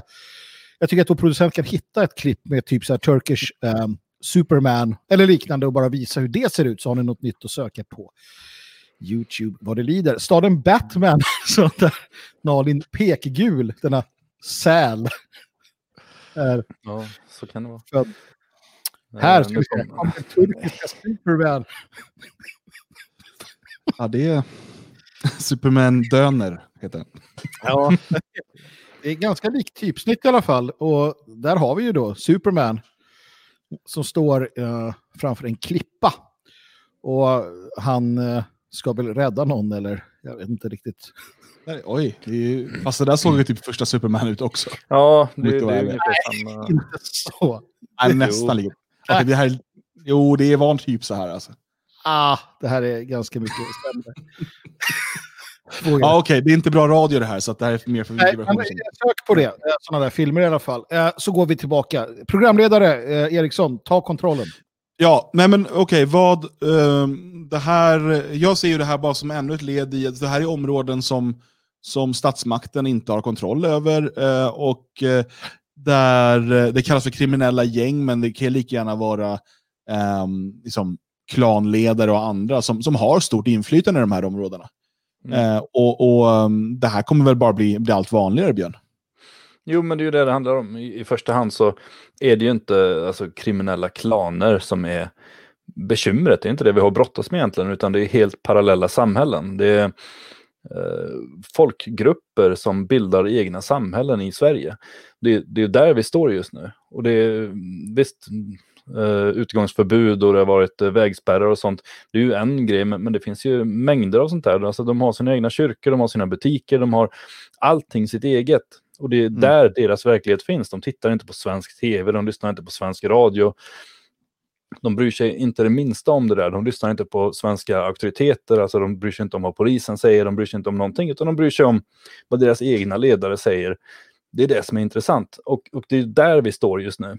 Eh, att, att ett utegångsförbud eller en vägspärr och sådär, visst, det, det är något som media gärna skriver om, men det parallella samhället har funnits här länge och det pågår för fullt. Eh, även fast vi inte märker det, för vi bor inte där. Eh, och, och journalisterna bor definitivt inte där, de bor väldigt långt därifrån, så att de är inte intresserade och de förstår det inte. Eh, Det det har varit liknande, man, kan läsa ofta sådana, jag, jag läste för något eller ett par år sedan så var det en artikel i, eh, vad heter det, Hem och Hyra, eller vad den heter, Hyresgästföreningens Hemorrojd. tidning. Nej, ja. Hemorrojd. Eh, och det var, nej, så heter den inte. Uh, där var det i alla fall ehm, en, eh, ja, någon utlänning som var förbannad där på att kom, bostadsbolaget skulle börja, eh, de skulle sätta upp någon sån här återvinningsstation utanför huset så att folk kunde återvinna där. För att det tyckte han var för jävligt för att de hade tidigare sett till att få ordning på området genom att de gick runt och förklarade för folk hur de skulle hantera sina sopor. Och därmed hade de ett väldigt stort inflytande över alla som bodde i de här husen i området. Eh, men det skulle nu få förstöras då av kommunen som skulle sätta upp den här eh, containern här då. Och det var, de var fruktansvärt arga liksom på, på, på hur kommunen gick in och förstörde för dem. Och det är också ett exempel på hur man bygger upp sitt eget lilla samhälle eh, utan, utan inflytande på något sätt ifrån samhället i övrigt. Enda kontakten med samhället de har det är att springa till socialen och plocka pengar och lura till sig pengar på olika sätt. Men annars vill de inte ha med oss att göra på något sätt. Vi vill inte ha med dem att göra heller, men det måste vi i och med att vi håller på att betala för dem hela tiden. Ja, eh, men man kan väl säga så här då Magnus, att eh,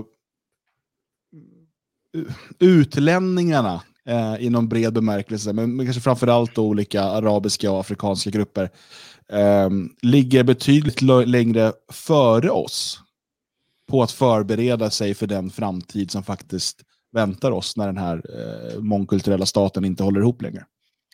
Ja, problemet är ju att vi, vi, eh, vi blev lite för civiliserade för vårt eget bästa. Hade det varit så att vi som västerland inte hade så att säga hamnat i, hamnat i eh, sammandrabbning eller samröre med de här människorna. Alltså det här är ju helt, det, det kan ju inte, inte ha ske, skett. liksom. Men då hade det kanske gått bättre för att eh, vi har det här i oss. Alltså, vi blev stora, vi blev de vi blev som civilisation och som folk genom att praktisera segregation, genom att vara stenhårda med vad som gällde. Vi var ju experter på att vara klaner, om man så vill, de skotska klanerna till exempel. Va? Eh, eller stambundenheten hos de olika folken. Eh, vi har varit vi bäst, bäst i världen på att vara sådana. Men, men det där har vi så att säga tappat. Eh, och det är viktigt att komma ihåg att vi har det i oss för att vi kan få tillbaka det igen. Inte den, den generation som lever nu, det tror jag inte. Nej, nej, nej, nej, det här kommer ta ett tag. Och det är för att det krävs att det växer inifrån, att, det, att eh, idéerna slår rot eh, i de yngre generationerna. De som nu, som du är inne på, tvingas ordna sig i gäng. Tillbaka igen. Uh, ungdomar, svenskar idag som vill ha det bra, som vill kunna leva ett, ett bättre liv måste från början organisera sig i gäng, hänga ihop uh, i den typen av manliga uh, gemenskaper. Och, och det kommer växa vidare och, och, och, och, ligga till grunden för den renässans som kommer i framtiden. Det är jag helt säker på. Och, och det är det viktiga. Det viktiga är att vi går tillbaka till den typen av naturliga gemenskaper, för det gör att vi i kraft av dem vi är, givna av Gud, eh, vissa förmågor, kommer lösa det här förr eller senare. Jag är helt säker på det.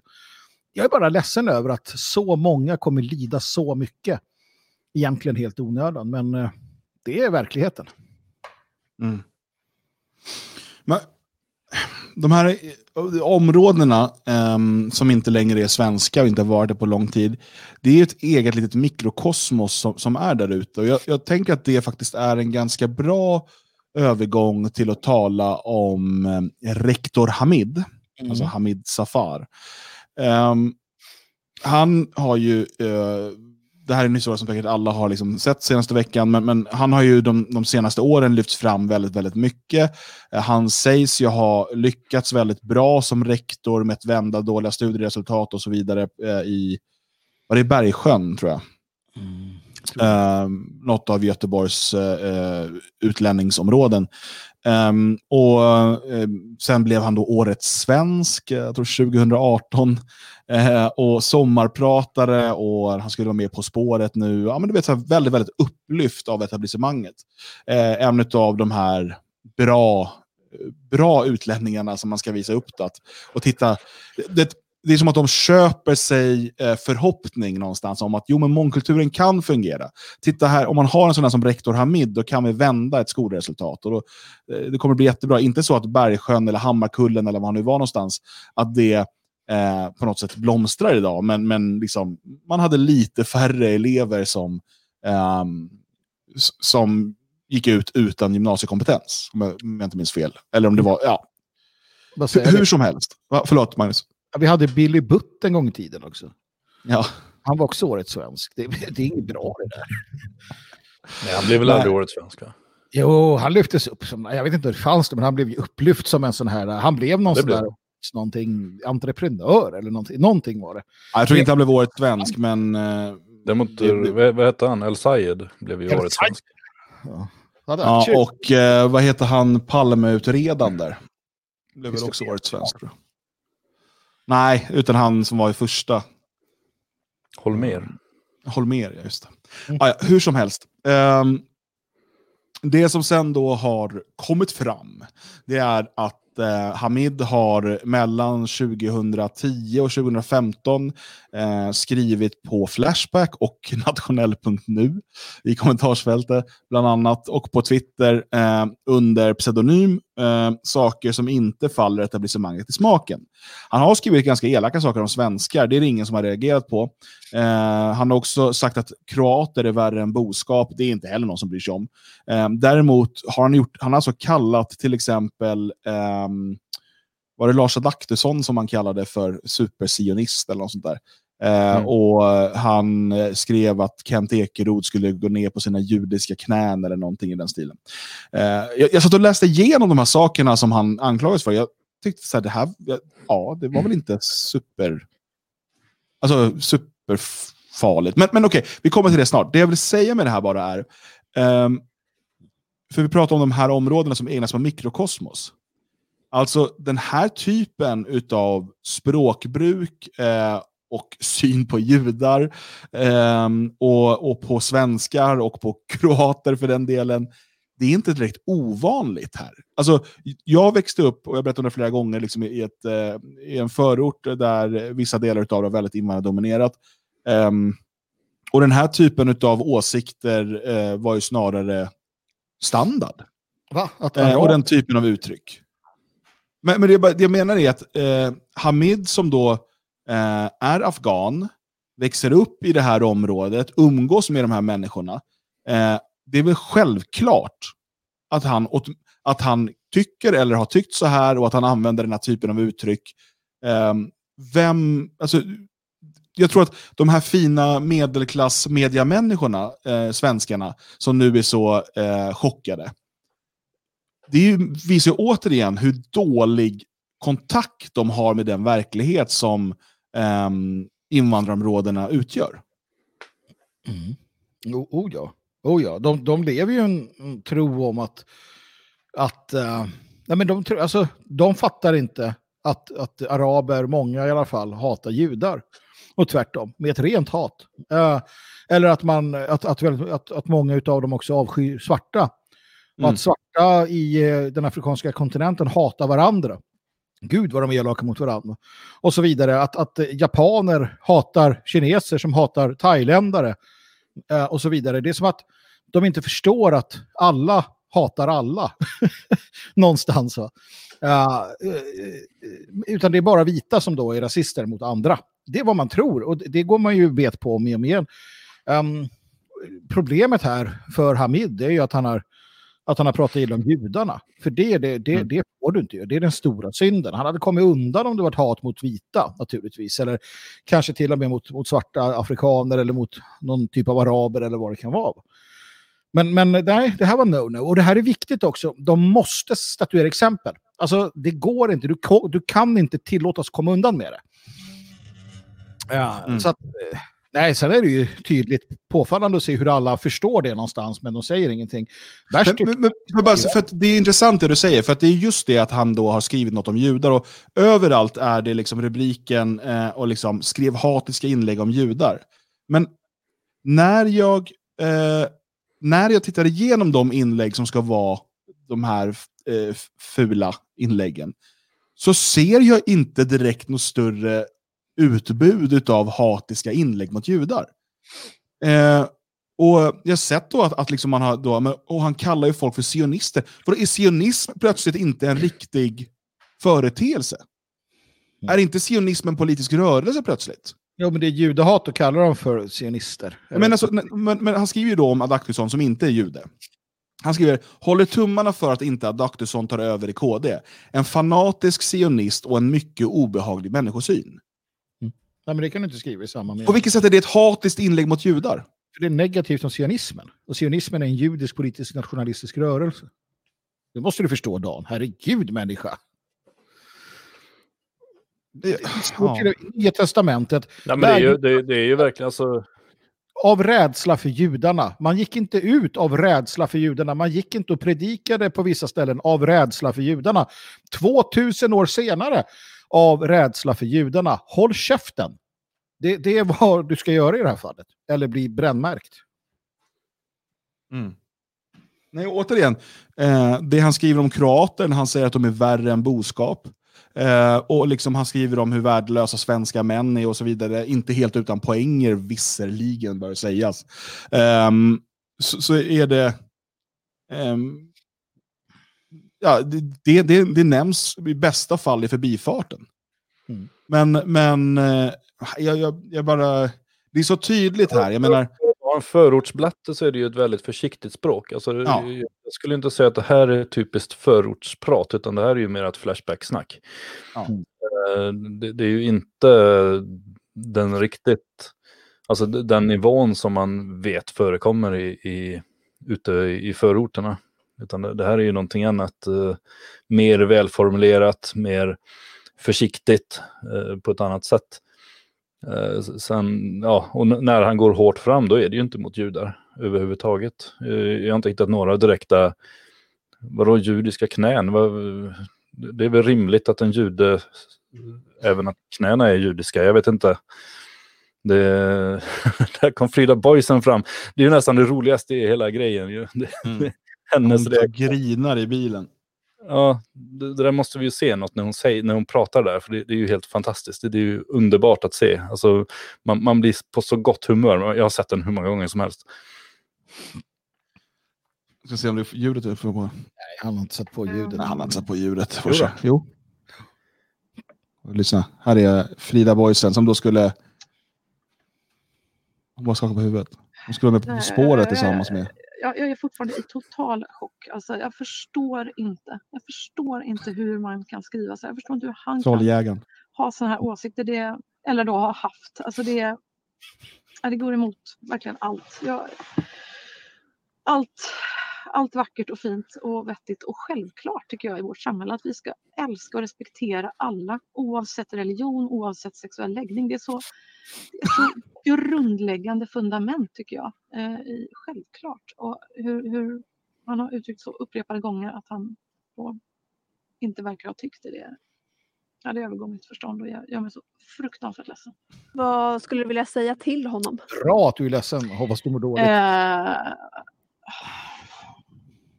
jag är så himla besviken. Jag är så himla besviken och ledsen och arg.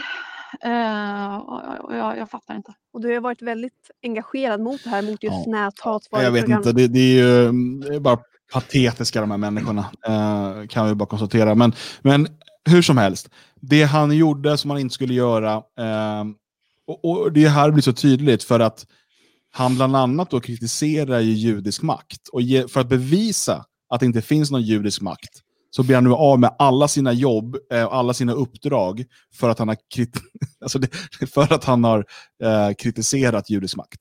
Ja. Eller något. Det, det, är, ju, det, är, ju, ja, det, det är så himla uppenbart och tydligt. Varje jävla gång går det så när någon säger att det finns judisk makt och åker de riktigt illa ut. Ja, jag tänker en annan aspekt av det här som jag garvade garvar läppen av mig på. Det var ju alla Sverigevänner som var så konfusa och så arga och de visste inte var de skulle stå någonstans. För många har ju hyllat rektor Hamid, Hamid um, och sagt att han, han har minsann liksom, ja, fått uh, ordning på de där. Och, sådär, ändå haft någon sån där hatkärlek, eller mer kärlek än hat till honom. De gillar ju, de gillar ju utlänningar uh, som, som ger dem rätt på någon punkt. Det kan vara, det kan vara han, uh, han med håret eller eh, Hanif eller sådär. Va? Men Hamid har man gillat. en del. Jag kommer aldrig ihåg vad han heter. Eh, man vet vem du menar ändå. Du menar Malcolm. va? nej, nej, nej. Inte Han han. är med håret. Ja, nej, nej, Göran Greider snackar vi väl om. nej, nej. Han eh, eh, som måste vara släkt med Hammarbyen. Han utan håret menar du? Ja, men- Dino Sanandaji. Ja, Tino ja. Där. Precis. Men i alla fall, alltså, det finns olika som alla älskar och så, så gör de bort. Saken är den att det varit jättesvårt för alla de här Sverigevännerna. Är det något de gillar mer än Sverige så är det ju Israel. va? Eh, och speciellt när Katarina Janouch skrev att Hamid var dum för att Hamid hade sagt något elakt om judar. Hon är ju judinna nämligen. Och, och jävligt aggressiv sån. Liksom. Hon gillar det här med judar och sådär. va. Uh, jävla massa judar vart det helt plötsligt. Men i alla fall, juderi, judera. Och, och då visste de, då så här, fan också, ja men så vann ju till sist då kärleken till Israel ehm, och judarna över kärleken till Hamid och Sverige eller något, jag vet Vad? Eller något. Ja, eller något i alla fall. Så att jag tycker det är alltid lika kul när Sverigevänner får problem med sina åsikter. Det är, är roligt att se. Och det fick de, kan vi säga. Men de har ju Luai Ahmed kvar. Ja, Åh, nej, jag, alltså, det var, åh, jag, jag såg eh, någon intervju från den här alternativa bokmässan.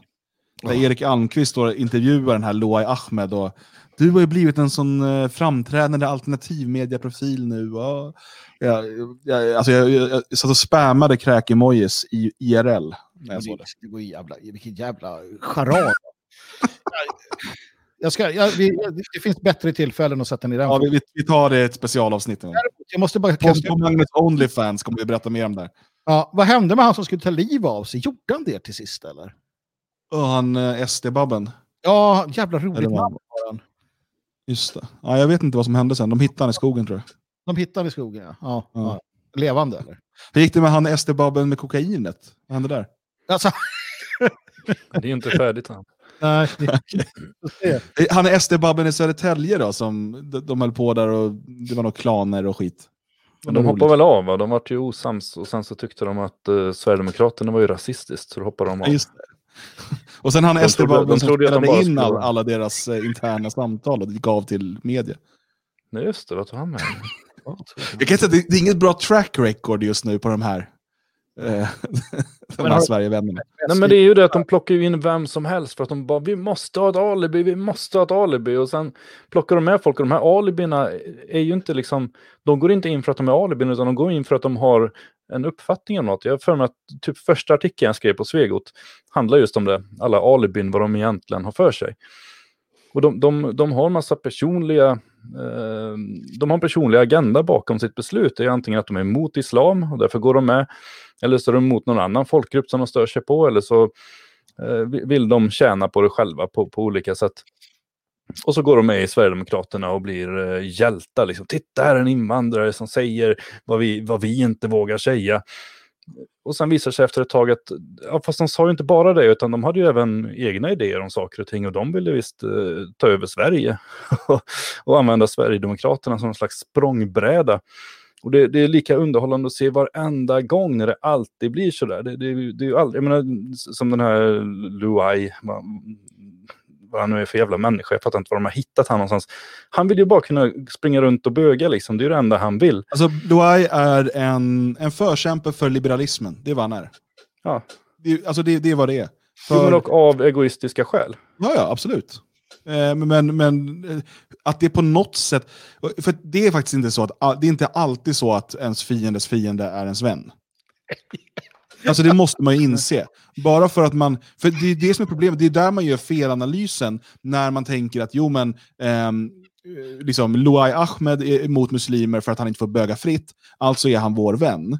Eh, och, och, och, eller eh, Israel är emot muslimer, vilket de inte är, kan vi konstatera, det är bara en annan sak. Okej, judar och muslimer eh, kommer ibland inte överens, eh, speciellt judar och palestinier. Därför är judarna våra vänner. Eller ehm, muslimerna kommer inte överens med judar, alltså är muslimerna våra vänner. Alltså hela den här, det, det går liksom inte ihop. Alltså vi nu ska... Anförda av bögen Ah- Loai Ahmed och den här sex, gamla sexologen, eh, den här skatan. Är, Janusz. Janus som i något senaste inlägg skrev en, en lång tirad mot kärnfamiljen, mot traditionen, hennes hat mot det västerländska traditionella är över, övertydligt. Och ändå bjuds, bjuds hon in och ska lyftas upp som någon form av Alltså, man slår sig för bröstet att åh, vi har Katarina Janouch på vår sida. Hon är inte på vår sida. Mm. Absolut inte på vår sida, kanske på din sida. Jag vet inte vart du står i det här, du som lyssnar och tittar. Vi har kanske en och annan Sverigevän som vrider sig. Nej, det är inte riktat mot dig personligen. Jag vet att du tror att allt som sägs är mot dig som individ. Men det är det inte. Du är så jävla oviktig i det stora hela. Din generation måste förstå det. Du är oviktig. Allt handlar inte om dig. Va? Men av någon jävla anledning så har du fått för dig det och därför tror du att varje gång vi säger något så får man ett argt mejl. Varför gör du så om mig? Jag sa inte det om dig. Jag sa det om alla som är på det sättet. Så ta det till dig för fan.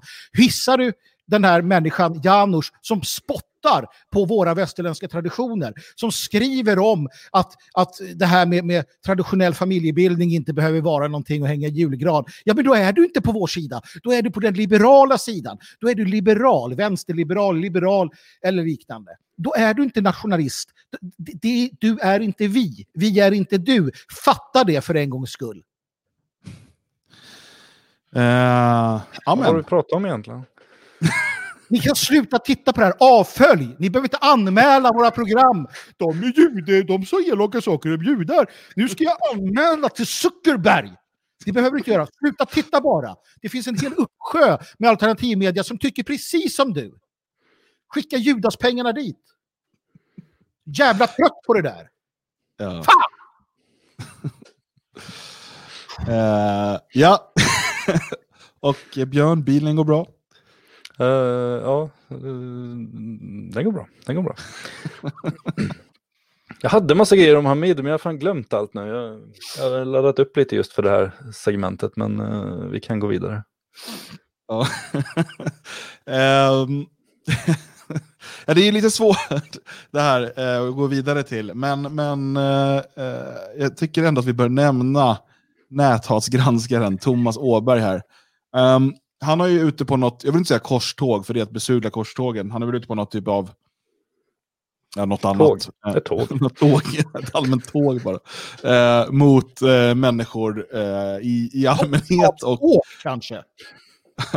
och människor som eh, eh, ja, eh, skrivit om honom i synnerhet.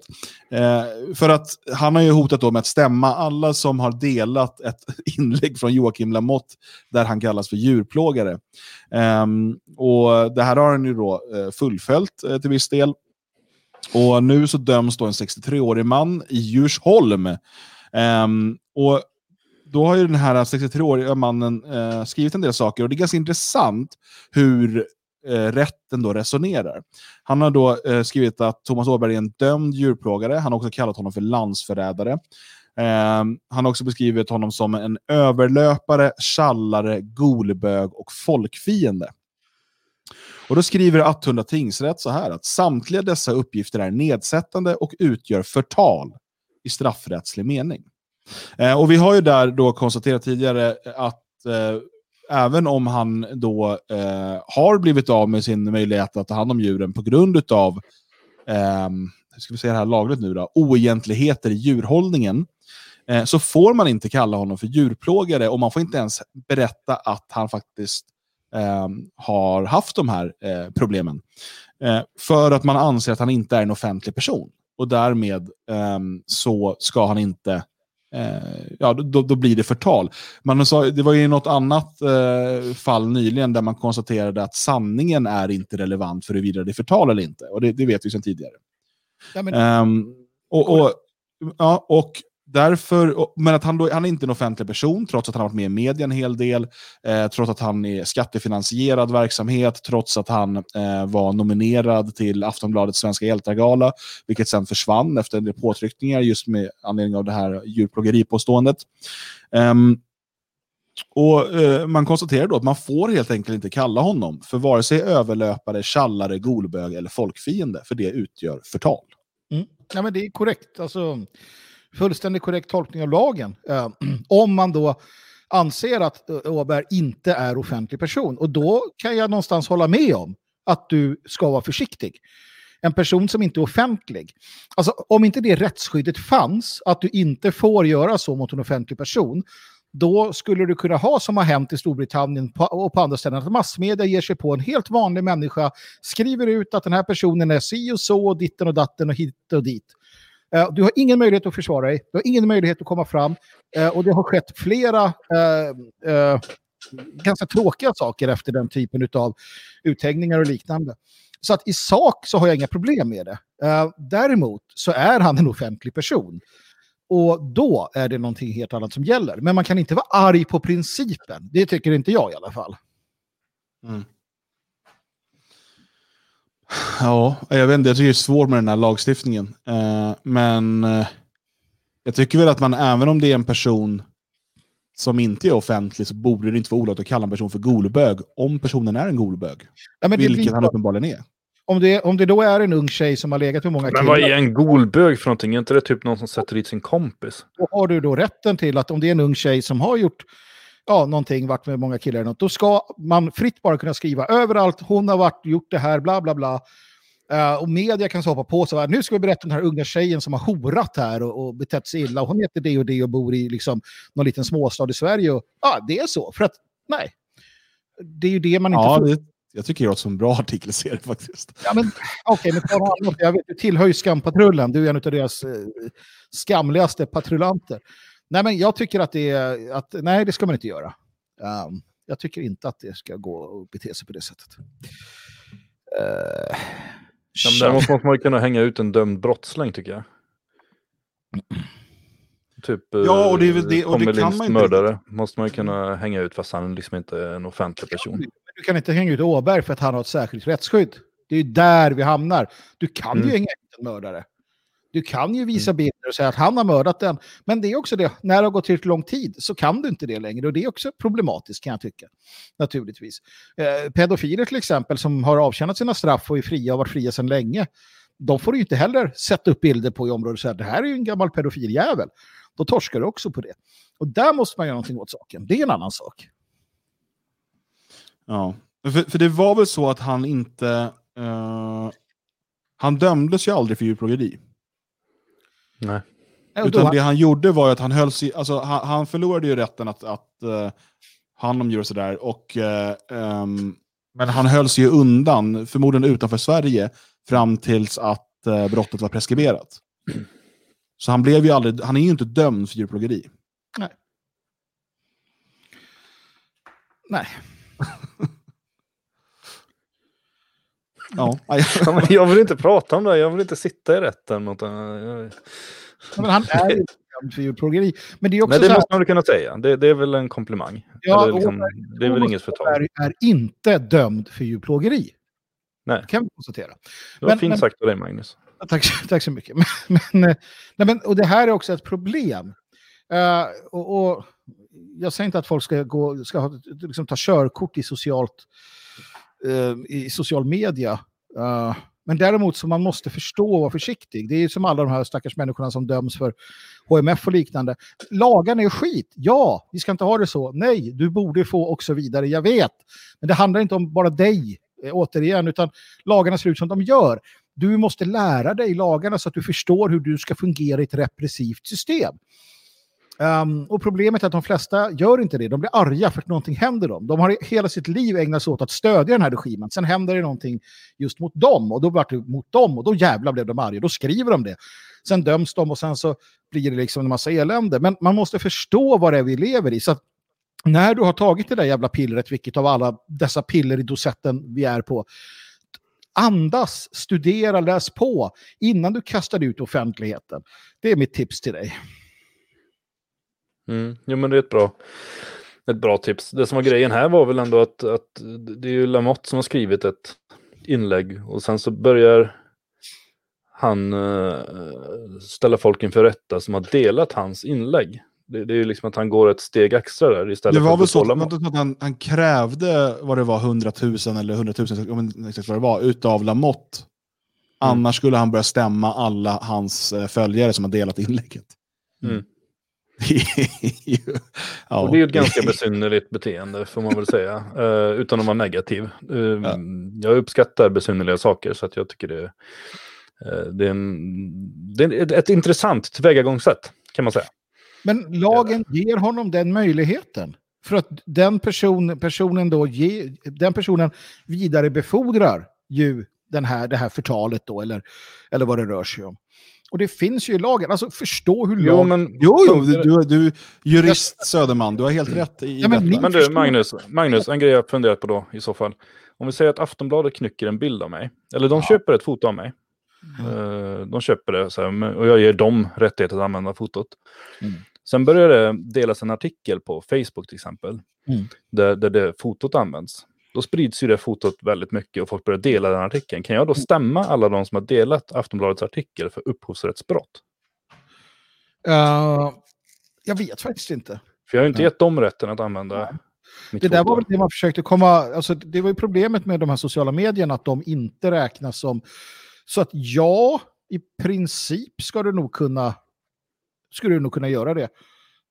Kan jag tänka mig kanske. Jag vet inte om någon har gjort det, men det är ju sådana här frågor som EU har brottats med bland annat.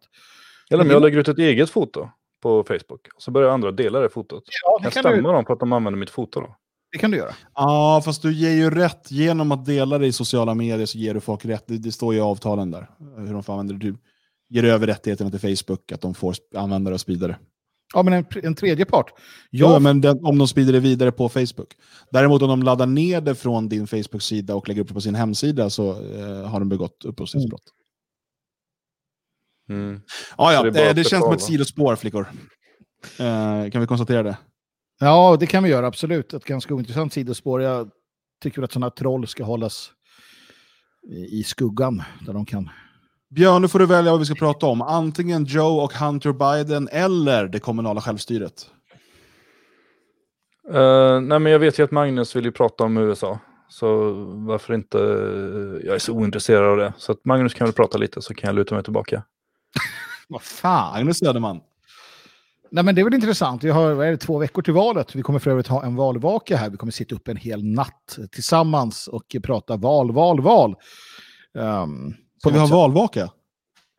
Vi sa ju det för några... Kommer ni inte ihåg vi pratade efter? Vi ska ha valvaka! Missa inte vår direktsända valvaka. Eh, när börjar den? När, vilken dag är det? Ja, men alltså, Det kommer bli tid, bra. det kommer bli jättebra. Tid och dag kommer senare. Vi kommer Tid kanske- och dag. Det är samma dag som valet. Precis. Vi, kan, vi kanske kommer att ha Donald Trump eh, med oss. Men det är Men högst kan man inte lägga det dagen efter då när liksom resultaten är klara?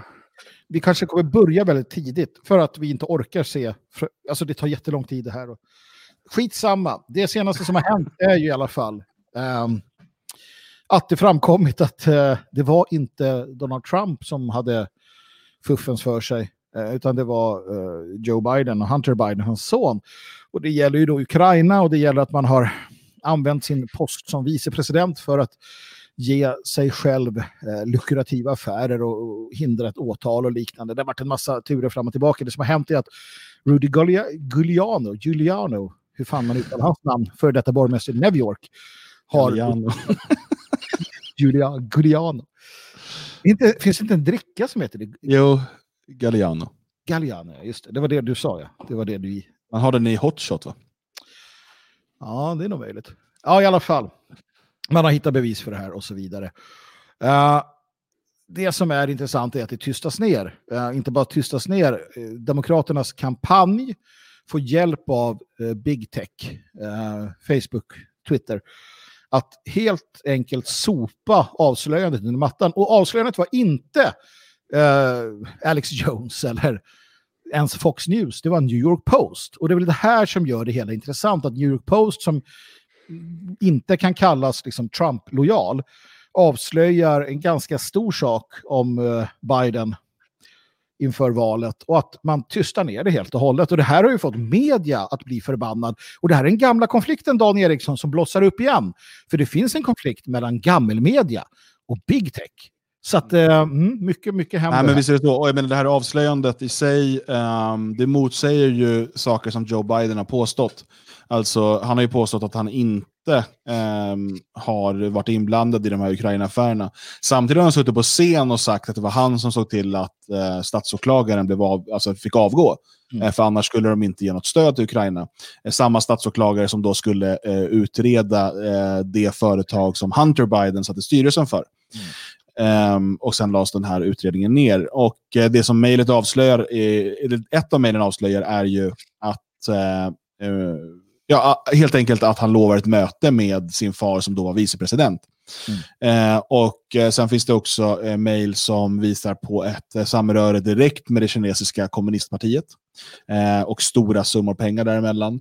Eh, det finns också en, en sexfilm eh, som det ryktas om att flickan är minderårig, men det, det kanske inte hör hit. Ehm, och, och det, säger, det har inte, allt har inte släppts än. Nej, precis. utan eh, det eh, är mer saker på gång. Men då väljer alltså Twitter att stoppa länkarna med hänvisning till en regel om att man inte får länka till saker som har eh, uppgifter som har tillkommit, har tillkommit genom hackning. Mm, mm. Eh, är det någon som kommer ihåg eh, de här artiklarna om att ehm, eh, Trump skulle ha uriner, eller blivit urinerad på av ryska prostituerade och, och en massa sådana här har saker. hackats, äh, hackats och kommit fram genom hackning menar du? De. Det var ju massa sådana här saker som, som, som påstods och, och det finns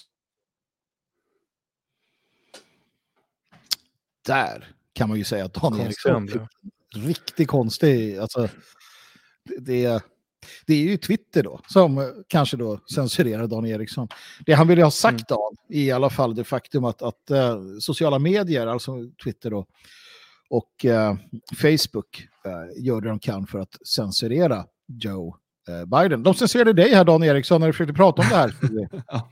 Eh, nej, precis. De censurerade ju då den här, de här länkarna, man kunde inte länka dit.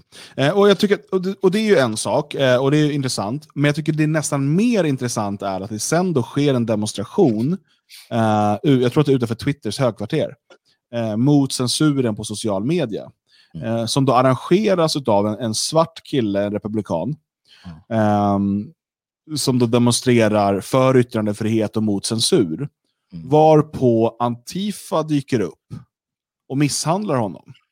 Ja. Och Det blir så intressant här när man då ser att de, mest, alltså de, de största kapitalistiska bolagen i världen, det, det här är de största bolagen.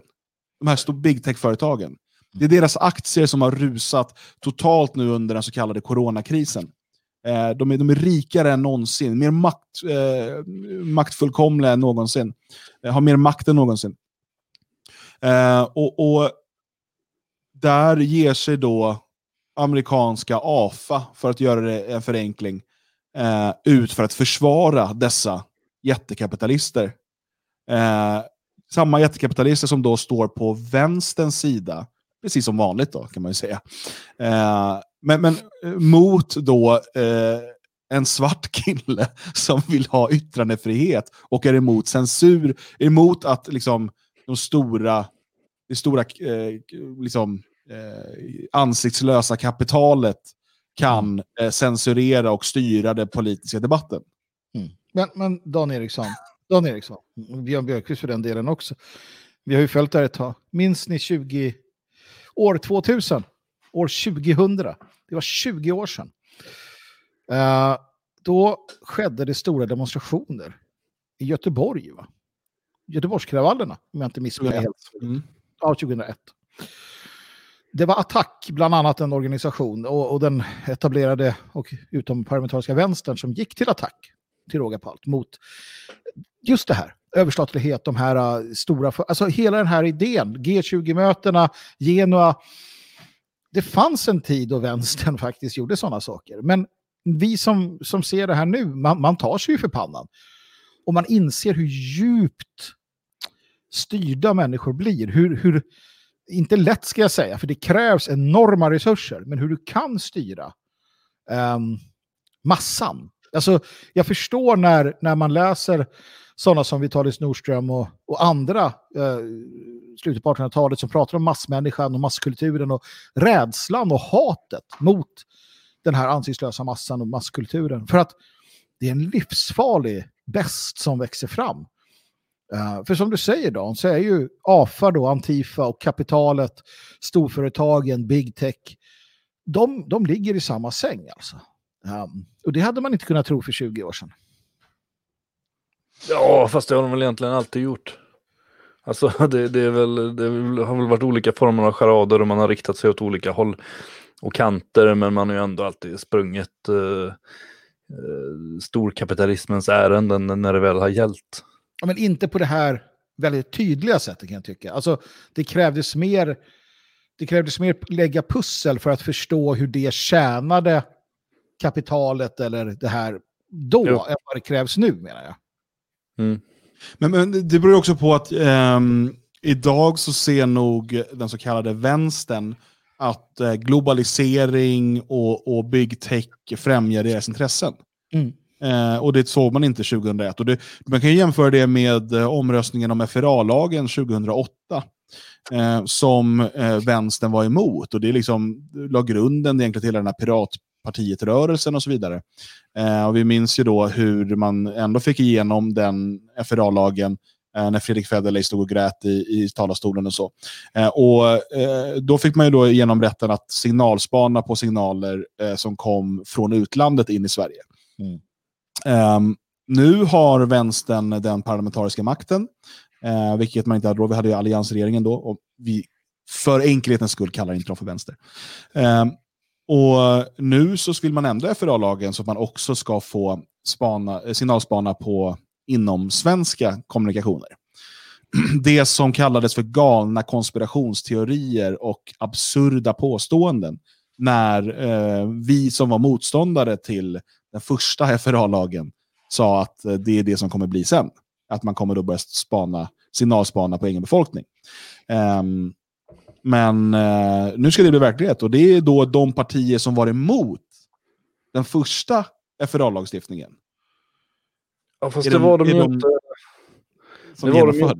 Själva grunden till FRA-lagen lades ju av regeringen innan. Det kallades ju, man pratar ju om Bodströmssamhället.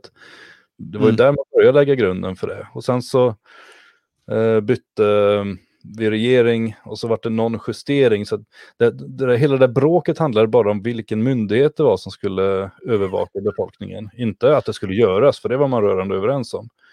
Ja. Eh, sossarna ville ha någon, jag kommer inte ihåg vilken det var, men det var inte då FRA utan det var någon annan som skulle göra jobbet. Men det var ju det konflikten handlade om egentligen. Sen så kunde man ju dra fram eh, integritet och sådana saker när det inte var de själva som styrde för att skapa opinion. Men alla ville ju övervaka. Det, det, det är ju det bästa de vet. Mm. Ja, ja det, det, det, är så det är. Men, men det är så uppenbart att uh, i dagsläget och precis som vi såg på 20 och 30-talet uh, eh, så är det så att uh, storfinansen och vänstern sitter i samma båt. De är liksom, de lever i, i, en, i en synergi med varandra.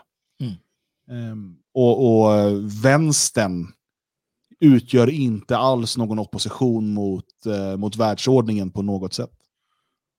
Nej. Nej, och, och, det i sammanhanget gör också att jag ska säga något som jag inte uh, kan stå för. jag inte kan stå för. Nej, men jag tittar på USA, jag har följt USA ganska länge och jag har, jag har varit den första att spela ner, downplaya det som händer. Jag har konstaterat att det har varit, det har varit jävligt illa tidigare. Vi har haft studentrevolter och liknande. Du har haft skjutningar. Du hade ju nationalgardet som sköt ihjäl ett par stycken vid ett universitet och liknande. Men ja, jag måste stämma in i kören. Eh, äntligen ska jag komma ut och säga att det kan bli inbördeskrig i USA. Det, det, det kan gå mot det vi stirrar oss blinda på, på Europa och vad som händer här med, med musulmaner och liknande. Det vi har i USA nu, jag tycker att man har kunnat se det, det är att det är ju inte alls en, en konflikt mellan eh, svarta och vita på det sättet. Det är inte en konflikt mellan hispanics och vita, utan det är i djupet eh, en konflikt mellan, å ena sidan då det här big tech och kapitalet och liknande. Man pratade redan när Trump tog makten att man skulle skapa en, en revolutionär motståndsrörelse. Mm. Hillary Clinton eh, stod upp för det. Och den, har, den finns, den har finansierats. Och nu på senare tid har vi sett hur man har blivit mycket, mycket mer militant. Du har haft eh, minst två eh, skjutningar där man då har dödat eh, på öppen gata anhängare till Donald Trump. Eh, och det har inte blivit särskilt mycket Eh, medium det om det, framförallt inte i Sverige. Alltså, du, du har en grogrund för att det finns någonting där bakom. Den djupa staten speciellt eh, har möjligheter att finansiera och utbilda och liknande. Det har skett förut. Så att, jag tror vi ska hålla ögonen öppna. USA, eh, alltså det är vita mot vita. Det är, där har du en, en kanske en clash mellan eh, det här eh, traditionella konservativa. Jag säger inte att Eh, Proud Boys och Donald Trump är our guy fullt ut, men jag säger att han eh, är lite som, liksom, vad ska man ta, Stahlhelm eller uh, lite mer så här högerkonservativa grupper som vi såg också i tidigt 20-tal i Europa som växer fram. Och, och, det finns mycket likheter här och det kan sluta uh, på det sättet. Sen om det sprider sig överallt eller om vi pratar storstäder och sådär, det är en annan sak. Men, men visst, det kan bli, kan bli någonting riktigt allvarligt av det här. Det, det, det känner jag på mig. Vad tror du, Björn? Uh, ja, nej men jag, jag, tycker att vi ska ha mer kommunalt självstyre, inte mindre. Så att jag, uh, uh, jag tycker det är fel att Miljöpartiet ska gå in och försöka eh, införa, alltså ta ifrån kommunerna sin bestämmanderätt. Sen tycker jag det är helt fel i grund och botten, det här, det här alltså hela tänket. Jag, jag, tror att vindkraft kan vara förnuftigt om man typ har det på sin egen gård. Men nu ska ju allting ske liksom, eh, det ska gå via företag och skattesedeln för att få, få ström. Det, det är ju där det stora bekymret ligger, tycker jag. Mm. Jag är emot all form av vindkraft. Luften är fri. Och med de orden så tackar vi för oss den här underbara måndagskvällen. Vi, har... vi är tillbaka nästa måndag 20.00. Glöm inte detfriasverige.se, svegot.se, nationalisten.se. Eh, och... Hej då Magnus. Jag står för det jag säger. Godnatt.